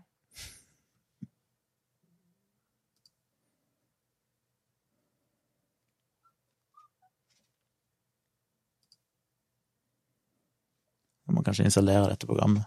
Kommer sikkert aldri til å gidde. Nei, det er jo lov å prøve, men det kan jo hende han er opptatt.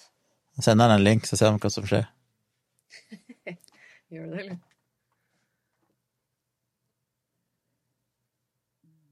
Det var en litt kul funksjon. Den kan jeg jo bruke til å Ikke teste det før det kom inn den siste versjonen. Mm. Uh, nei, hva skjedde med Tea Party? Hvordan klarte Tea Party og de ekstreme kristne langt høyre å kuppe partiet? Nei, det er ikke sant å svare på. Men jeg var vel litt innom det kanskje i eh, i eh, UXA, det vi snakket om tidligere, at media til en viss grad spiller en rolle her. Når du får mediekanaler som så til de grader polariserer den andre parten, så vil jo det pushe begge sidene i mer ekstreme retninger. Som kanskje er litt grunnlag for at de mer konservative kreftene har fått mer eh, Jeg mener da Trump går ut og snakker om at eh, demokratene vil tillate basically å abortere foster i niende måned og sånne ting, som jo bare er bullshit, og mange tror på det, så er det klart at det styrker jo selvfølgelig en del ekstreme kristne og så videre.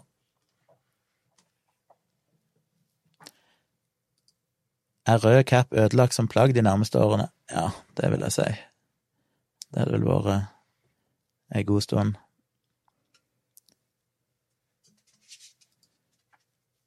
Thomas kommer med fotballresultatet. Det er vel noen som mener at det er minst like viktig. Jeg er ikke en av de. Bjørn sier jeg må føle meg free to speculate. Ja, jeg vet ikke om jeg føler meg mentalt i stand til det akkurat nå. Anomi, enig. Det handler vel om dette med å pushe folk og så videre.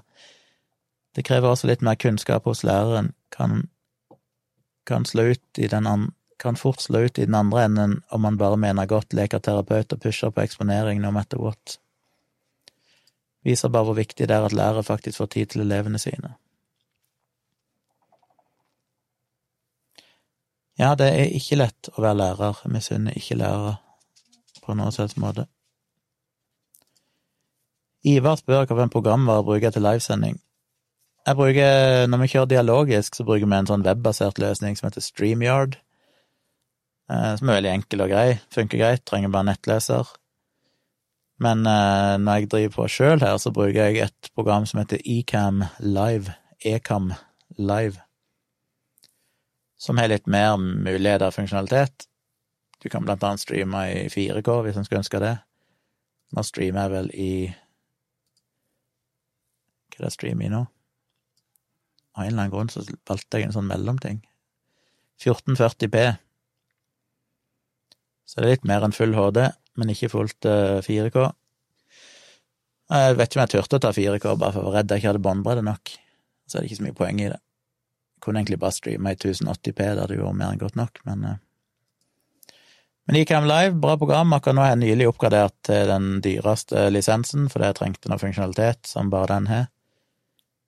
Syns det funker bra.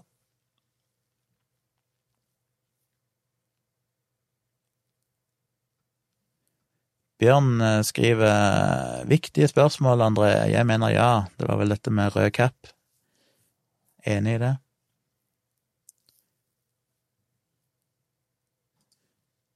André tenkte bare å jazze ned kravene til studiepoeng for å kunne bidra her. Her er det viktig at alle bidrar med spørsmål. Vi må holde det gående nå til over klokka ett, iallfall, så vi hører, ser om det kommer noen resultater. Så fyr løs med relevante og irrelevante spørsmål. Så kikker jeg litt på avisen igjen her, bare for å se.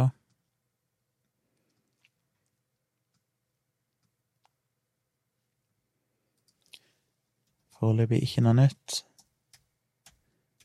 NRK.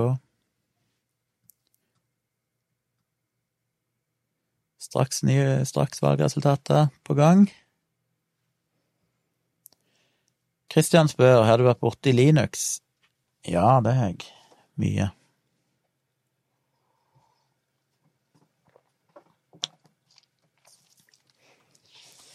Jeg har brukt Linux i flere år på desktopen, men jeg har alltid gått vekk ifra det igjen, for jeg har aldri blitt komfortabel med det. Så jeg gikk jo etter 15 år med Windows, så var jeg litt av og på Windows og Linux, litt om en annen. Så jeg gikk over til Mac for snart 15 år siden, og jeg har brukt det siden. Men jeg kjører Linux i en virtuell maskin av og til når jeg trenger det, og så kjører vi jo Linux på alle serverne, men det er jo ikke noe grafisk brukergrensesnitt, men bare Så jeg jobber jo med Linux hver eneste dag på servernivå.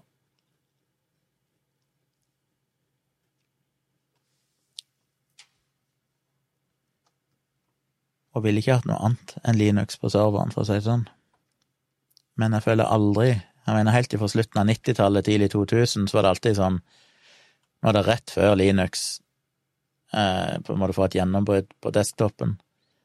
Men nå, 20 år seinere, så føler jeg fortsatt ikke de er helt der. Det er, det er mye bra, men jeg føler fortsatt når jeg bruker en eller annen Linux-variant i en virtuell maskin, og leide meg rundt, så er de er liksom ennå ikke klart å få det så solid og smooth og brukervennlig som eh, en Mac, for eksempel, eller sannsynligvis Windows 10, selv om jeg ikke bruker Windows lenger. Det er liksom alltid et eller annet som blir litt for krøkkete. Men det var jo gøy å selvfølgelig ha muligheten til å gjøre alt du ville i den tida jeg drev med Linux på desktopen, men jeg kunne jo av og til Nå er jo sikkert ting blitt bedre, men jeg husker i den tiden, tidlig 2000-tallet og sånn, hvis du fikk opp et eller annet, så bare kunne du sitte i tre dager etterpå for å prøve å få driveren til grafikkortet å virke igjen, for det var ingenting som bare virka av seg sjøl. Og det var Det er ikke tid til. Bjørn sier ti minutter til sju starter stenge. CNN sier det er viktig og kan gi oss en pekepinn. Tror det blir soving på meg, gutt. Gitt. Ja, det er nettopp det. Det er kanskje en illusjon å tro at vi skal få så mye igjen for å sitte oppe lenge. Fordi det vil ikke bli noe Men det er så deprimerende å bare våkne i morgen tidlig og dra opp mobilen og så se det som kanskje er et valgresultat, og føle seg som at du har gått glipp av noe. Ivar sier at alle bruker Linux. Ja, alle bruker Linux, enten de vet det eller ikke. Det er jo basically Linux i alt, på et eller annet vis, men eh, Men de har vel ikke så veldig stor utbredelse på desktopen ennå, den dag i dag. Selv om de kanskje burde hatt det. Hadde jo likt den verden egentlig veldig godt, der det meste var basert på Linux på desktopen, men eh, Men sånn er det ikke. Dessverre. Jeg tror ikke jeg får noe dag med på livestream her. Jeg sendte han en link, men uh, enten så blir han ikke med, eller så sitter han febrilsk og prøver å installere Ecam Live. Jeg er litt usikker om han trenger det. Jeg har ikke helt satt meg inn i dette. Det er mulig han kan gjøre det om du får Om du kan gå inn på ei nettside eller noe sånt og gjøre det derifra. Jeg vet ikke. Det burde det jo egentlig bare, for det er litt drøyt å forvente at enhver gjest skal installere dette programmet. Christian sier det er definitivt mer stabilt i dag, men fortsatt en del ting som må poleres, og sikter vel da til Linux, ja. Det vil jeg jo tro. De går nok framover, men det har jo gått uh, seint. Som sagt, for 20 år siden så mente de at nå var det rett før. 20 år seinere, så Selv om jeg ikke brukte så grundig som jeg gjorde den gangen. Jeg har jo ikke installert det som hovedoperativsystem på en maskin på sikkert 15 år siden sist jeg gjorde det så jeg har ikke den erfaringen med det lenger. Men jeg føler ikke heller noe behov for det, for jeg føler at med Mac så får jeg egentlig det beste av begge verdener. Jeg får et, et bra brukergrensesnitt og et solid operativsystem, men så kan jeg stort sett gjøre alt som jeg kunne gjøre på Linux. Siden det tross alt er en slags uh, Hva er det? OpenBSD eller noe sånt? Unix? Eller Linux-variant i bånden. Så jeg kan bare åpne en terminal, og så har jeg jo basically Linux etter alle målestokker.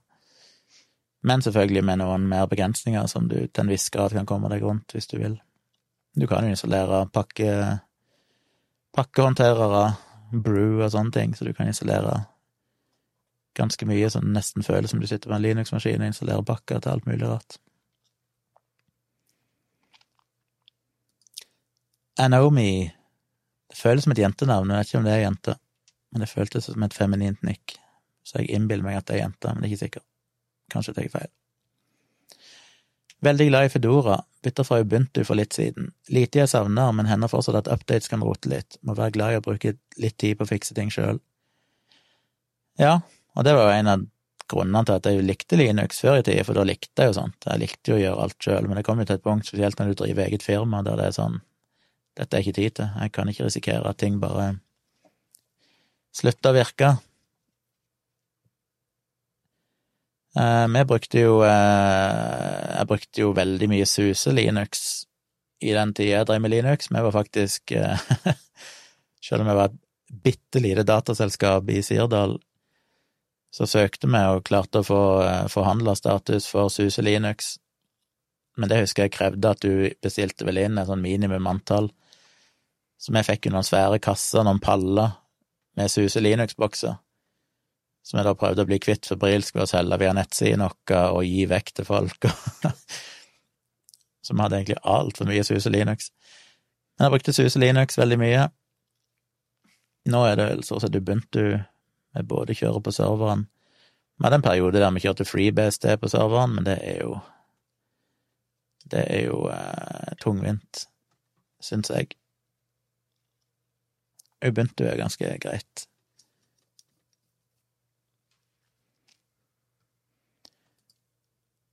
Anomi skriver om folk er glad i personvernvennlig operativsystem på mobil, sjekk ut Calix, Calix Institute og deres Calix OS. Dessverre ikke kompatibelt med så fryktelig mange mobiler. Nei, det finnes nok gode insentiver til personvennlig operativsystem på mobil, men det er jo det at det vil jo aldri få noe utbredelse. Det blir for komplekst. Og som regel min erfaring er at eh, du må ofre ganske mye for å bruke sånne. Da kan du stort sett ikke installere så mye Folk vil jo stort sett bare kunne downloade apper fra en eller annen appstore. Jeg syns jo personvernet i Apple-dingser er bra. Jeg syns personvernet i en iPhone er veldig godt ivaretatt. Jeg vet ikke om jeg hadde fått så mye mer av å installere en eller annen tilpassa Linux-mobilversjon. Bjørn går og legger seg. Takk for, god, takk for stream, gode blogger, podkaster for å heve samfunnsdebatten, Gunnar. Kos deg med nattlig stream. Vi ses. Takk for det, Bjørn. Sov godt. Håper du våkner til et hyggelig resultat, i den grad vi har noe resultat i morgen. Takk for at du har sett på og følger. Satser på jeg ser deg igjen. Kristian, Linux er fantastisk for spesielt interesserte. For dem som har gjort seg vant med Windows, er det nok litt mer stress enn gevinst med å switche over. Ja, jeg har vanskelig nå for å se gevinsten du har med å bytte til Linux, med mindre du som sagt er veldig interessert i å kunne konfigurere absolutt alt som du vil, på bekostning av at det tar veldig mye tid og blir ofte mer eller mindre ustabilt når du gjør oppdateringer og sånn, så plutselig så funker ikke ting lenger, og det er ikke alltid like gøy. Men hadde jeg vært den typen som fortsatt elsker å dille med ting, så hadde jeg jo gjort det. Nei, de tallene jeg sa i stad om Trump og Biden, det var helt misforstått ifra NRK. Det var vel det Nei, jeg skjønner ikke hva det er for noe. Hva betyr sikre? Nå er det plutselig kommet tre til Biden og åtte til Trump. Hvorfor er han 217 sikre? Jeg skjønner ikke. Somebody need to explain. Det er nå jeg burde sett på valgsending heller enn å så hadde jeg kanskje skjønt noe av dette. Se hva VG sier. Det har ikke kommet med noen ting ennå. Andrea sier at første resultater inne nå, ja, men jeg ser ikke noe på VG er ikke oppdatert ennå, iallfall.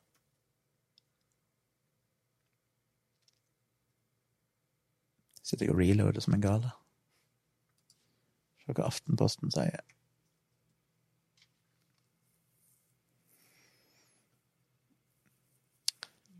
Ingenting der heller.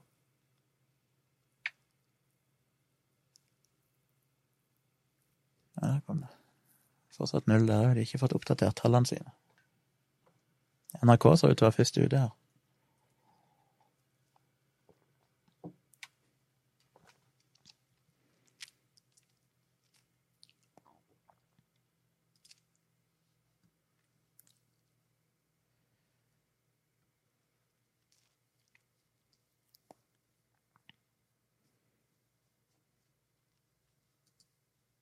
Gå tilbake til NRK og se. Tre og åtte, hva betyr det? Vi må klikke inn på den der dingsen og se. Antall avgjorte stater to 1% opptalte stemmer, så vi kan ikke legge for mye vekt på noen ting. De sikre stemmene, det er kanskje de der eh, som er merka som blå og rød her, i kartet. Og så er det vippestatene, de gule, som er interessante. Ja, det er sikre stater. Ok, da skjønner jeg.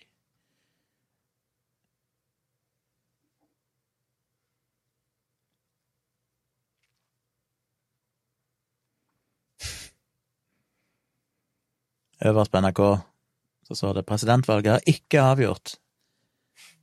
Det har jeg fått med meg. Jeg håper det kommer noen nye tall eh, som er litt mer enn det vi ser nå, ganske snart. Det var ikke rare greiene. Guvernør stemte blankt. Det høres jo Det høres ganske feigt ut.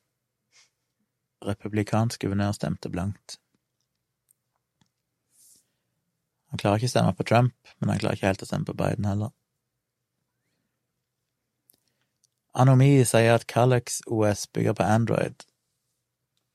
Funker stort sett på eh, Google Pixel. De er veldig opptatt av å la det gå så lite på bekostning av brukervennligheten som bare mulig. Til og med banking-appene mine virker. Det er ikke verst. Skal prøve IOS for første gang. Virker fint enkelt om man vil ha noe bra ut av boksen. Kanskje lurt å skulle ha Siri og iCloud da. Tja, Siri er skrudd av bare fordi jeg ikke liker, men Siri er jo òg anonymisert, i den forstand at den prosesserer jo alt på devicen, og de dataene som eventuelt går til en server, er jo anonymiserte. Som er jo sikkert litt av grunnen til at eh, Siri suger så til de grader, sammenlignet med Google og Amazon sine tjenester, som prosesserer ting på serveren i stor grad, som jo gir en del mer muligheter. Men Apple er jo opptatt av personvern, og har jo bygd det inn i forbånden av, og er veldig opptatt av det som jeg har sagt før, så skjønner jeg ikke helt at noen kan bruke Android hvis de er opptatt av personvern, for det Da må de i så fall bruke et eller annet sånn som Calix OS, regner jeg med, da de faktisk har litt kontrollen. Det er mye å mislike med IOS, sannsynligvis fra en som kommer fra Android, med tanke på muligheter til å tilpasse ting og sånn, men uh, det funker, det er stort sett stabilt alltid litt verre når de kommer nettopp med en ny versjon, sånn som nå, IOS 14. Det er de småbuggy på enkelte ting. Men eh, personvernbiten har de kontrollen på, i stor grad. Selv om de selvfølgelig brenner seg av og til når det slipper gjennom en app i uh, AppStoren som plutselig viser seg å ha noen lekkasjer som ikke burde være der. Men det er vel nesten umulig å klare å sikre seg mot alt.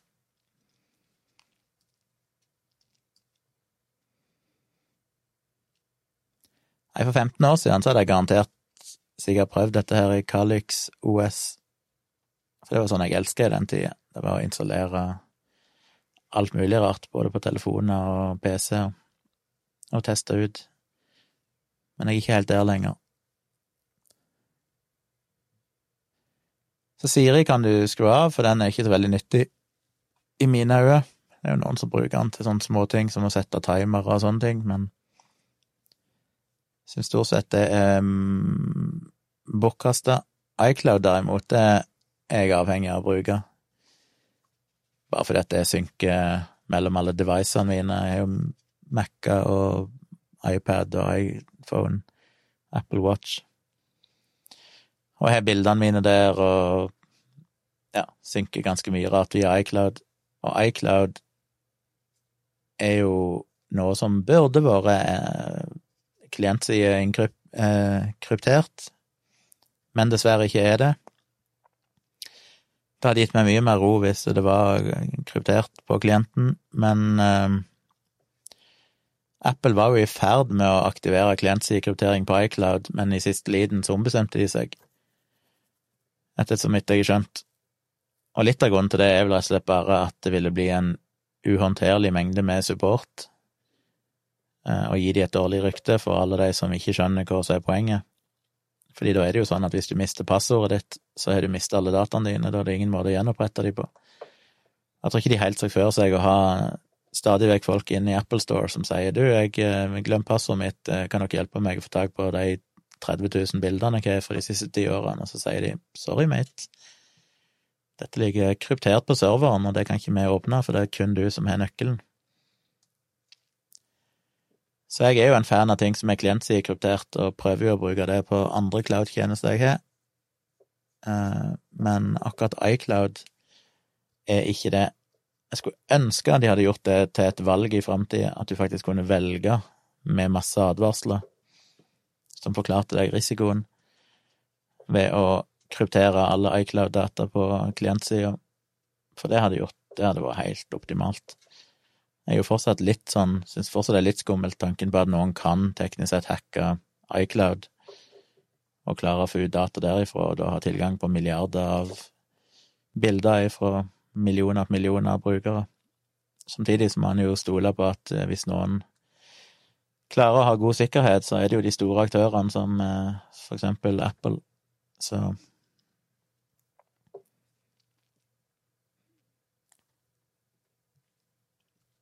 Christian sier at liker at Linux virker mer gjennomtenkt. Windows er så rotete og uoversiktlig når han går litt dypere. Jeg er ikke så veldig kjent med Mac.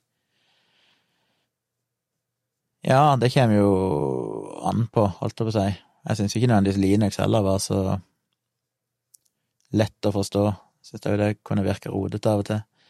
Spesielt når filstrukturen og sånn ofte er en blanding av forskjellige historiske valg som er gjort som av og til er litt sånn både òg, så det er ikke alltid ting er helt eh, logisk konsistent.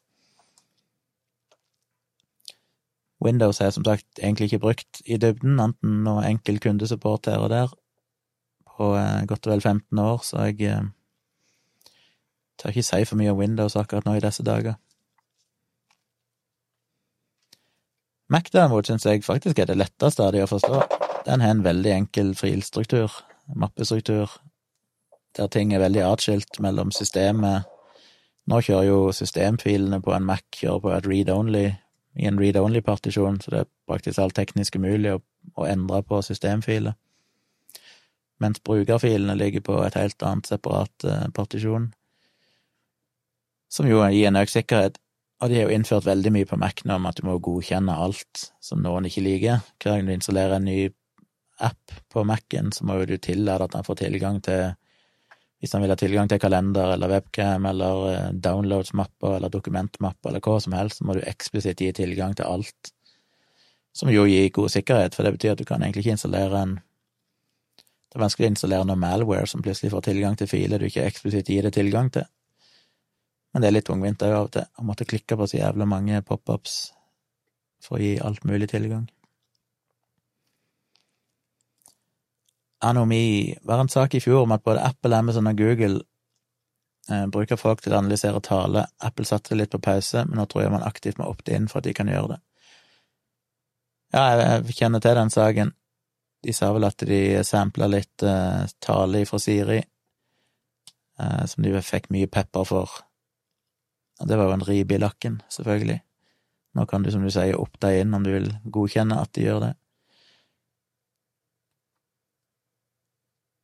Der var jo òg eh, teknisk sett var vel De lydopptakene var jo anonymisert i den forstand at de var helt totalt frakobla din Apple ID og alt mulig sånn, så hvis du hørte en stemme, så skulle du ikke De som satt og analyserte, de kunne ikke vite hvem det var. Men selvfølgelig så kan du si ting i det lydopptaket som avslører hvem du er, og da er det jo like langt. Men de hadde jo prøvd å anonymisere det i den, i den forstand, at det var ikke sånn at de kunne se at det var Gunnar Kjomli sin Apple ID som har dette opptaket, liksom. De fikk bare et opptak av lyd som var helt anonymisert men det er fortsatt ikke godt nok. Det er jo absolutt en ting som du skal måtte opp deg inn på, for det folk skal jo vite om det. Hvis det sitter fremmede folk og hører hva du sier til dingsen din. Men som sagt, jeg har egentlig ikke brukt Siri, for jeg syns Siri er så dårlig at det har ingen nytte for meg. Og Siri er vel den pinligste saken i Apple sin historie, etter mitt syn. De har jo holdt De var en av de første som kom med en intelligent assistant, og allikevel så har de nå jeg vet ikke hvor mange år siden de kom med det nå, men det er ganske mange år nå. De har fortsatt ikke klart å gjøre den spesielt god, etter mitt syn. Anomi sier hun bruker Sier hun, jeg tror fortsatt det er ei dame, jeg vet ikke, med han eller hun. Hen bruker Tresorit som cloud-løsning. Virker legit for meg. Eller Tresorit, jeg husker ikke. Ja, jeg brukte den òg i en, eh, en periode. Men jeg ble litt deppa i gang, fordi at jeg har masse foredrag som jeg holder, og de er laga i Keynote på Apple. Og den lagrer foredragene, det er jo sånn powerpoint-presentasjoner, men den lagrer de i ei spesiell fil, som egentlig er en sånn containerfil, som heter navnet på foredraget .key. Men du kan høyreklikke på den og så vise innholdet, så egentlig er det bare en slags zip-fil, på en måte, med en intern mappestruktur. Og så hadde jeg en del slides og sånn som jeg hadde dratt inn i presentasjonene, og noen av de hadde norske tegn i seg. Og Tresorit takla ikke å synke de der eh, containerfilene, så plutselig en dag så skulle jeg dra ned eh, de filene, for å lage de i clouden mens jeg bytta fra en maskin til en annen, eller et eller annet sånt, og så var jo nesten alle foredragene mine korrupte. Fordi alle de interne filene i de containerfilene som hadde norske tegn, var plutselig ødelagt, og dermed så mangla det bilder sånn i alle foredragene mine. Da hadde jeg vel heldigvis en eh, backup til slutt, jeg klarte å grave fram og hente de tilbake igjen. Men det gjorde at jeg mista litt tilliten til Tresorit. Forhåpentligvis har de fiksa det seinere, men de håndterte rett og slett ikke norske tegn en periode. I filnavn. Det er jo selvfølgelig noe jeg prøver å styre unna. Sjøl jeg er den gamle skolen som fortsatt innbiller meg at mellomrom og norske tegn og sånn i filnavn ikke går an, selv om det selvfølgelig funker 100 stort sett i alle operativsystemer i dag. Men jeg prøver alltid å unngå det. Og akkurat i det tilfellet så hadde jeg jo gjort lurt i å unngå det. Problemet var bare at jeg hadde brukt bilder som jeg hadde lasta ned fra internett og sånne ting, som hadde random filnavn, så jeg bare brukte i presentasjoner, hadde ikke lagt merke til hva akkurat filnavnet var. Det jeg bruker nå, som jeg har funnet som den beste cloud-løsningen som er klientsidekryptert, er sync.com, som jeg var skeptisk til, bare for jeg syntes navnet var så generisk. Men de ser ut til å vinne de fleste sånne tester. De er klientside kryptert by default, og er veldig kjapt. En av de raskeste synkene jeg har sett. Og fungerer veldig greit. Så hvis dere vil ha en klientside kryptert, god cloud-løsning, så syns jeg sync.com eh, gjør en god jobb. Omtrent som Dropbox, bare ting er klientside-kryptert. Trump vinner Indiana, sier NJ. Nå må jeg inn igjen og se her på resultatene, om det er kommet noe nytt. Jeg tror jeg går på NRK, jeg syns den var mest oversiktlig.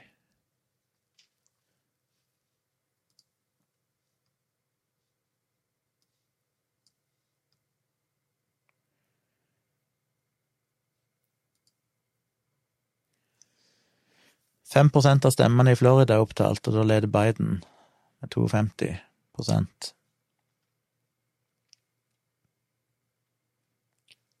Hvor er Indiana? ikke det en av de sikre statene? Jo. Det er en av de som ikke er så viktig, for den er jo antatt å være republikansk.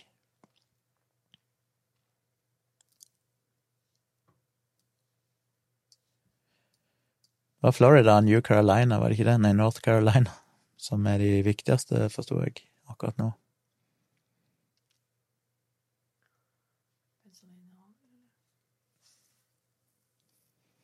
Jeg vet ikke. Aftenposten sa vel det var North Carolina og Florida som kunne være de to avgjørende statene.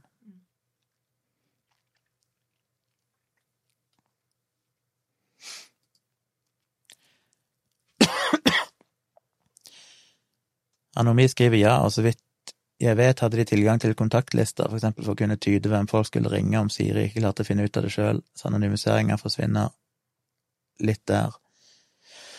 Ja, det husker jeg ikke. Nå må du iallfall opte inn på basically alt. Eh, både på IOS og på MacOS.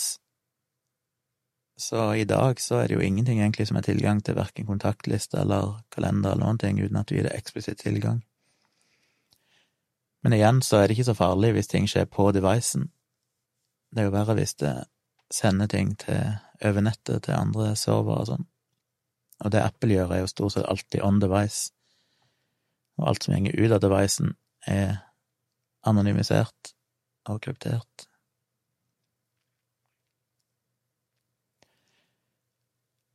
Og bare for å ha en liten tanke om det med, med sikkerhet Det som jeg syns er kanskje Sikkerhet er jo aldri God sikkerhet er jo bare den sikkerheten du faktisk bruker.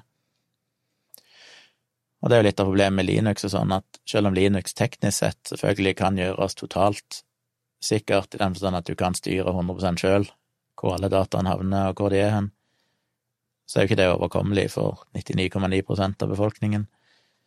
Eh, og det er litt sånn med Android òg, selv om Android hadde en del av de samme featurene, så det er, mulig, det er forhåpentligvis endrer seg nå, men det er ikke så veldig lenge siden du måtte aktivt gå inn og skru på eksempel kryptering av data på devicen på Android-telefonene, mens det var liksom default-settingen på en uh, Apple-device fra starten av, at ting var kryptert. Eller iallfall veldig tidlig. Så det er noe med det jo at selv om du har featurene der, så handler det om å gjøre ting automatisk, og det er det jeg syns Apple er gode på, at de som prinsipp prøver å gjøre ting på devicen. Det er ikke sånn at du aktivt hele tiden må passe på å ha slått på de rette innstillingene for at ting skal være sikkert. Det er i utgangspunktet så sikkert som det kan være, på en praktisk måte og ofte litt for sikkert i den forstand at det begrenser en del muligheter. Fordi han ikke vil sende ting til serveren, så får du litt mindre muligheter enn det du gjør kanskje på en Android-telefon, som i mye større grad utveksler data med servere. Og de eh, Google-API-ene, de er vel kjent for å sende ganske mye data til serverne og logge de. Det skjedde vel til og med i Smittestopp-appen, som liksom skulle være så veldig eh, sikker, mente de sjøl, selv, selv om de etter hvert måtte innrømme at de brukte det der Google Play-API-et som basically logga ganske mye data til Google sine servere.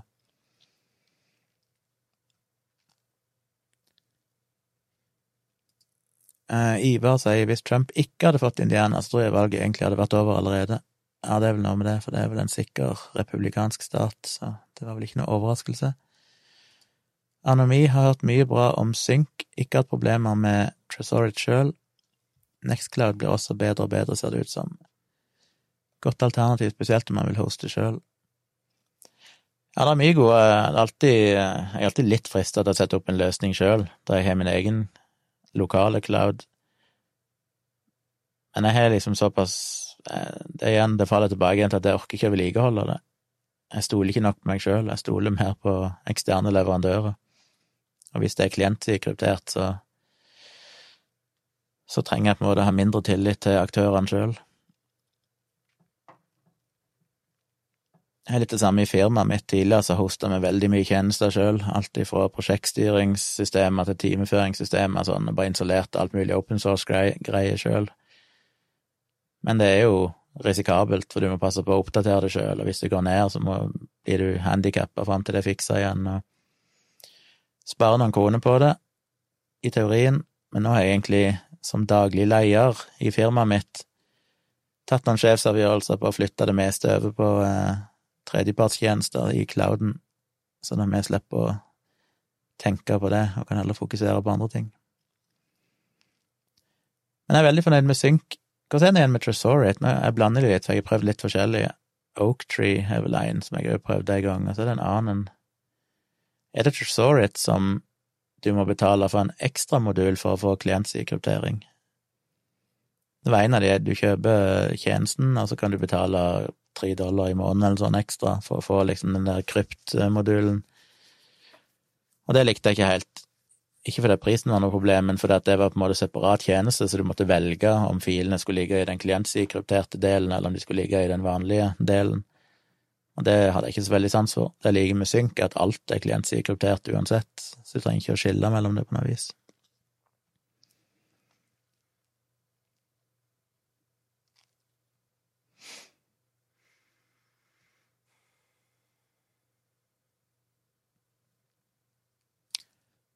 Det kom noe mer tall.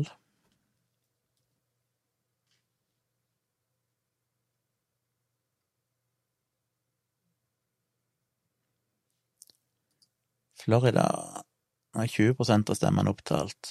Nå er for, forspranget til Biden krympa med 1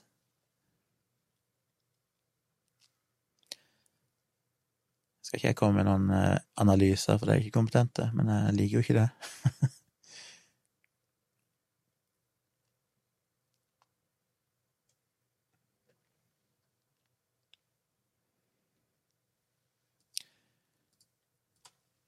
Christian spør hva tenker du om open source, er det en viktig faktor for deg når du velger produkt?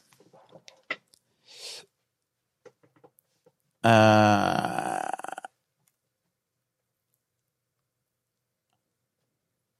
det var nok det mer før. Jeg var nok litt mer idealist før i tiden. Jeg brukte Linux mer sjøl og likte at ting var open source. Og i prinsippet så er jeg jo veldig tilhenger av open source. I praksis så har jeg vel en del dårlige erfaringer med open source, rett og slett fordi det ofte mangler de kommersielle drivkreftene til å lage et polert og bra nok produkt. Igjen, hvis jeg generaliserer litt, det fins vel unntak, men Men uh, ja.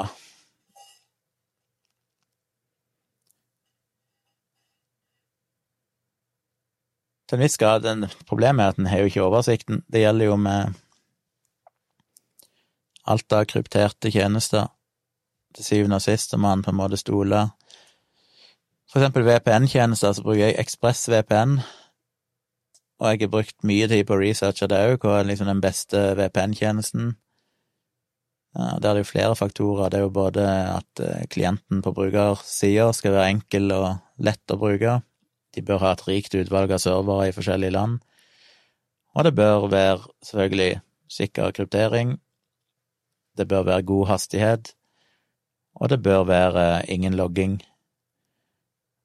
Og etter testa en del forskjellige og lest mye og sett på rapporter og diskusjoner om for eksempel hvilke aktører som faktisk har blitt fått eh, rettslige kjennelser der de må levere ut logger, og hvem som da faktisk har logger når det kommer til stykket og ikke, for det er jo en del av de aktørene som sier no logging, og så kommer politiet på døra, og så leverer de ut logger likevel. Men det er jo noen som har og ExpressVPN er vel en av de, der det er konkrete eksempler på at de har blitt pålagt å utlevere logger, men da faktisk ikke hadde noe logger å utlevere, som jo på en måte demonstrerer at de faktisk ikke logger eh, mer enn det de absolutt må. Og eh, det er bra. Og ExpressVPN er en god klient, det er kjapt, merker nesten ingenting, ingen forskjell på hastigheten, enten jeg er på VPN eller ikke, egentlig, eh, marginalt. De har veldig mange servere i veldig mange land, så det er mye å velge mellom. Eneste er at det bare tidvis litt ustabilt. Jeg vil egentlig ha en VPN koble opp 24 timer i døgnet, eh, men av og til så plutselig mister en connection, og det kan være frustrerende, spesielt hvis jeg sitter og jobber med et eller annet programmering og sitter i terminaler og sånn, og så mister jeg connection til ting, og så må jeg sitte og reconnecte her og der. Men ellers er jeg veldig fornøyd med ExpressVPN. For meg så virker nok det som en av de to-tre kanskje beste og sikreste VPN-tjenestene. Problemet med VPN igjen er jo det at VPN i prinsippet er en veldig bra og viktig, men det har jo blitt et sånn marked nå av VPN-tjenester som jo bare gjør vondt verre. Alle de VPN-tjenestene som er gratis, og så ruter de bare all trafikken gjennom sine egne servere og logger alt du driver med, så de er jo De gjør akkurat det motsatte av det de egentlig sier de skal beskytte deg imot. Så det syns jeg er skummelt, for det folk flest er jo ikke i stand til å vite sånne ting. De ser bare at de får reklame for en eller annen gratis VPN. Så tenker de ja, det er bra, det må jeg ha. Så kjøper de, eller så installerer de den tjenesten, og så er de jo egentlig fucked. Så det er litt av problemet med sånne tjenester, at i prinsippet så er de jo veldig bra, men du må fortsatt vite hva du gjør, ellers kan du risikere å bare gjøre ting vondt verre. Anomi sier jo, så vidt jeg vet, at det er ingen ekstratjenester man trenger hos Tresorit. Nei, det er kanskje ikke det, da blander det sikkert med en annen. Det var en, jeg husker ikke hva den heter nå, men det var en eller annen cloud-tjeneste jeg brukte en periode. Og det er mulig det var den som fucka opp, jeg husker ikke hvilken tjeneste det var noe som fucka opp filene mine. Jeg husker ikke hva det var jeg ikke likte med Tresorit, det var et eller annet. Var det klient... Selve klienten som jeg syntes var tungvint, eller var det at det var treigt, eller jeg husker ikke. Uansett så kan det ha blitt mye bedre nå. Det er noen år siden jeg brukte det. Men akkurat nå er jeg så fornøyd med synk, men jeg er en sånn person som alltid er på jakt etter bedre løsninger.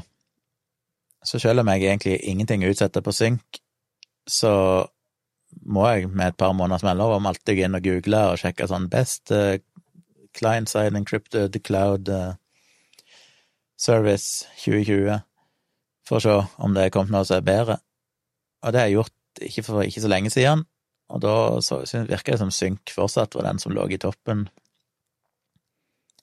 Så da tenkte jeg at ja, ja, det ikke skjedd så mye nytt på den fronten, så da får jeg bare fortsette å bruke Synk. Men jeg bytter tjenester ofte, og det er jo tungvint, for jeg har ganske mye data i clouden, og når jeg da plutselig må bytte tjenester, må drive og dra ned data og laste de opp igjen på en ny tjeneste som kan ta dagevis, så er ikke det så gøy. På mailfronten så bruker jeg mailfans. Mailfence. Der har jeg brukt mange forskjellige krypterte mailtjenester med varierende hell, men endte opp med Mailfence, som jeg til nå har vært veldig fornøyd med. Uh, ja, egentlig ingenting å utsette på deg. Det har vært veldig bra. Jeg har brukt andre mailtjenester som eh, ja, Hva heter de da? Tutan, tut, Tutano? Ja. Og noen forskjellige. Og da sjekker jeg som regel hvor er de servere hen. Er de servere i et land som eh, er utenfor uh, jury, juridiks... Jury... Hæ, hva det heter Juridiction. Ja, de har noen sånne, nå husker jeg ikke lenger begrepene altså Big Seven eller Big Five eller hva det heter, et eller annet, med sånn samarbeid på eh, Som disse serverne bør ligge utenfor, sånn at ikke de forskjellige landene som er med i disse samarbeidene, da automatisk kan ha tilgang til dataen. Så har servere som ligger i Sveits, for eksempel, eller Belgia er vel bra, Tyskland er vel noenlunde bra. Norge skal jo faktisk være et av de bedre landene, det òg. Men jeg tror ofte jeg har hatt servere som ligger i Sveits, og det blir vel regna som et av de beste landene når det gjelder personvern. Og så må de jo støtte IMAP, for jeg har ikke tenkt å bare sitte og bruke webklienten. Det begrenser jo selvfølgelig litt av sikkerheten med en gang der, men det er et kompromiss jeg er nødt til å gjøre, for jeg må bruke min egen mailklient. I tillegg så bruker jeg Protonmail eh, hvis det er adresser, mailadresser jeg trenger som skal være anonyme, som jeg registrerer på forskjellige sider. You know what. Så kan det være greit å ha en helt anonym adresse som ligger et sted som er sikkert, og ProtonMail er vel den sikreste sånn mailtjenesten anbefalt av Edward Snowden. Er ikke Norge en del av 14 Eyes, eller hva det er? Jo, det er mulig, det, jeg husker ikke. Når jeg drev og researcha de her mailtjenestene, så kom jeg ofte over tilbake igjen til ei webside som jeg aldri husker å lagre, tror jeg, men som jeg ender opp på på et eller annet tidspunkt før eller seinere uansett, der noen har laga en sånn tabell som er sinnssykt omfattende. Du må scrolle horisontalt i evigheter for å se alle kolonnene.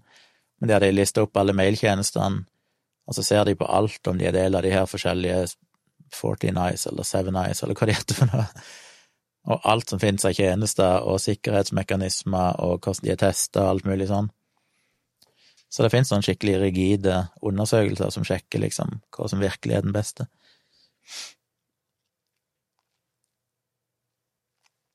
Five Eyes, Nine Eyes og ja, Tutanota, ja.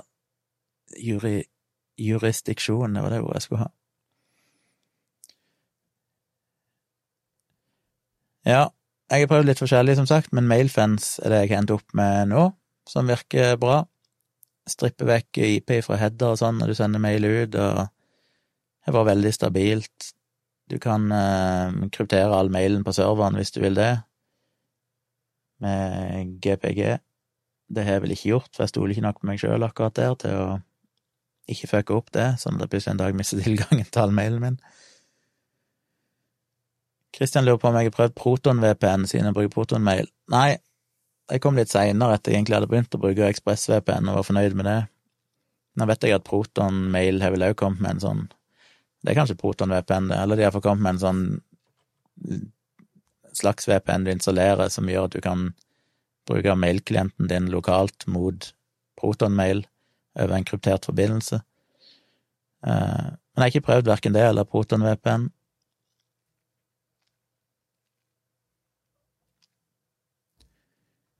Anomi sier at Proton-mail er mye bra på gang. Protondrive og protonkalender rett rundt hjørnet, pluss egen VPN som skal være bra. Ja, jeg stoler jo på en måte på Proton Mail.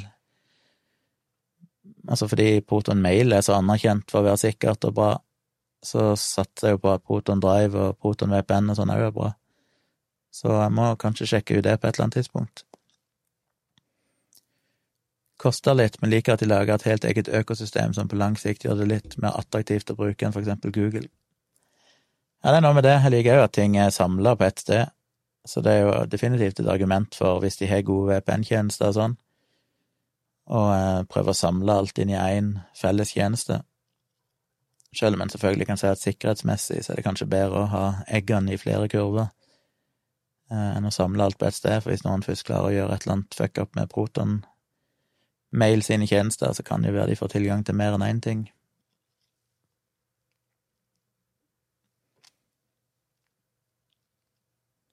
Men jeg skal sjekke det ut, på sikt, definitivt.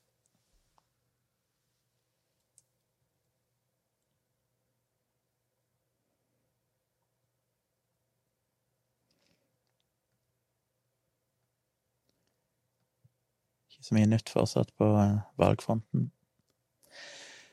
Nei, det er gøy å sitte her og prate, men jeg har holdt på i to timer nå. Må kanskje begynne å runde av. Anders ropte på meg. Eh, men gøy at dere var her og snakka med meg.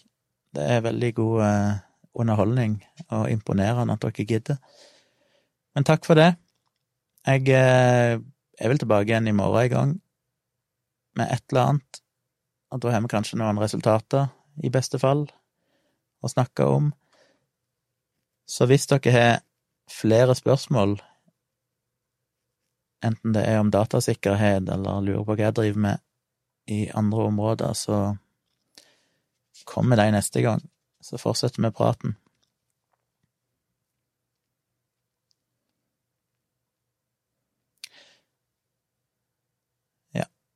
Så det ble nerdete prat mye nerding om eh, datasikkerhet og sånn.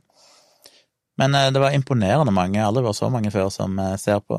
Det er fordi folk sitter uansett klistra og tenker de skal se på valg. Så, så det er jo fint å utnytte. Jeg har holdt på rett over to timer, så det får holde. Igjen, hvis dere syns dette her er gøy, så setter jeg jo spesielt pris på om dere vil støtte meg på Patron med en 50-lapp eller mer i måneden så gjør det det enda mer eh, mulig for meg å lage mer sendinger og mer videoer og mer bloggposter og alt som hører med. Så eh, støtt meg gjerne inne på Patrion. Spre gjerne ordet om at andre òg kan høre på denne livestreamen eller podkasten min inne på Patron hvis de vil det. Og abonner på YouTube-kanalen min, det koster dere ingenting. Så får dere med dere varslinger neste gang jeg kjører noe live, eller hvis jeg legger ut video og sånn. Og like gjerne denne videoen når dere først har sett på den, så sprer han seg jo litt mer ut på internettet og YouTube, så flere kanskje får det med seg neste gang. Det betyr mye at dere bidrar litt på forskjellige måter, enten eh, gratis med noen klikk, eller at dere støtter meg økonomisk på Patrion. Og så høres vi igjen. Takk for at dere så på igjen. Gleder meg til å få nye spørsmål neste gang. Så håper vi at Biden vinner. God natt så langt.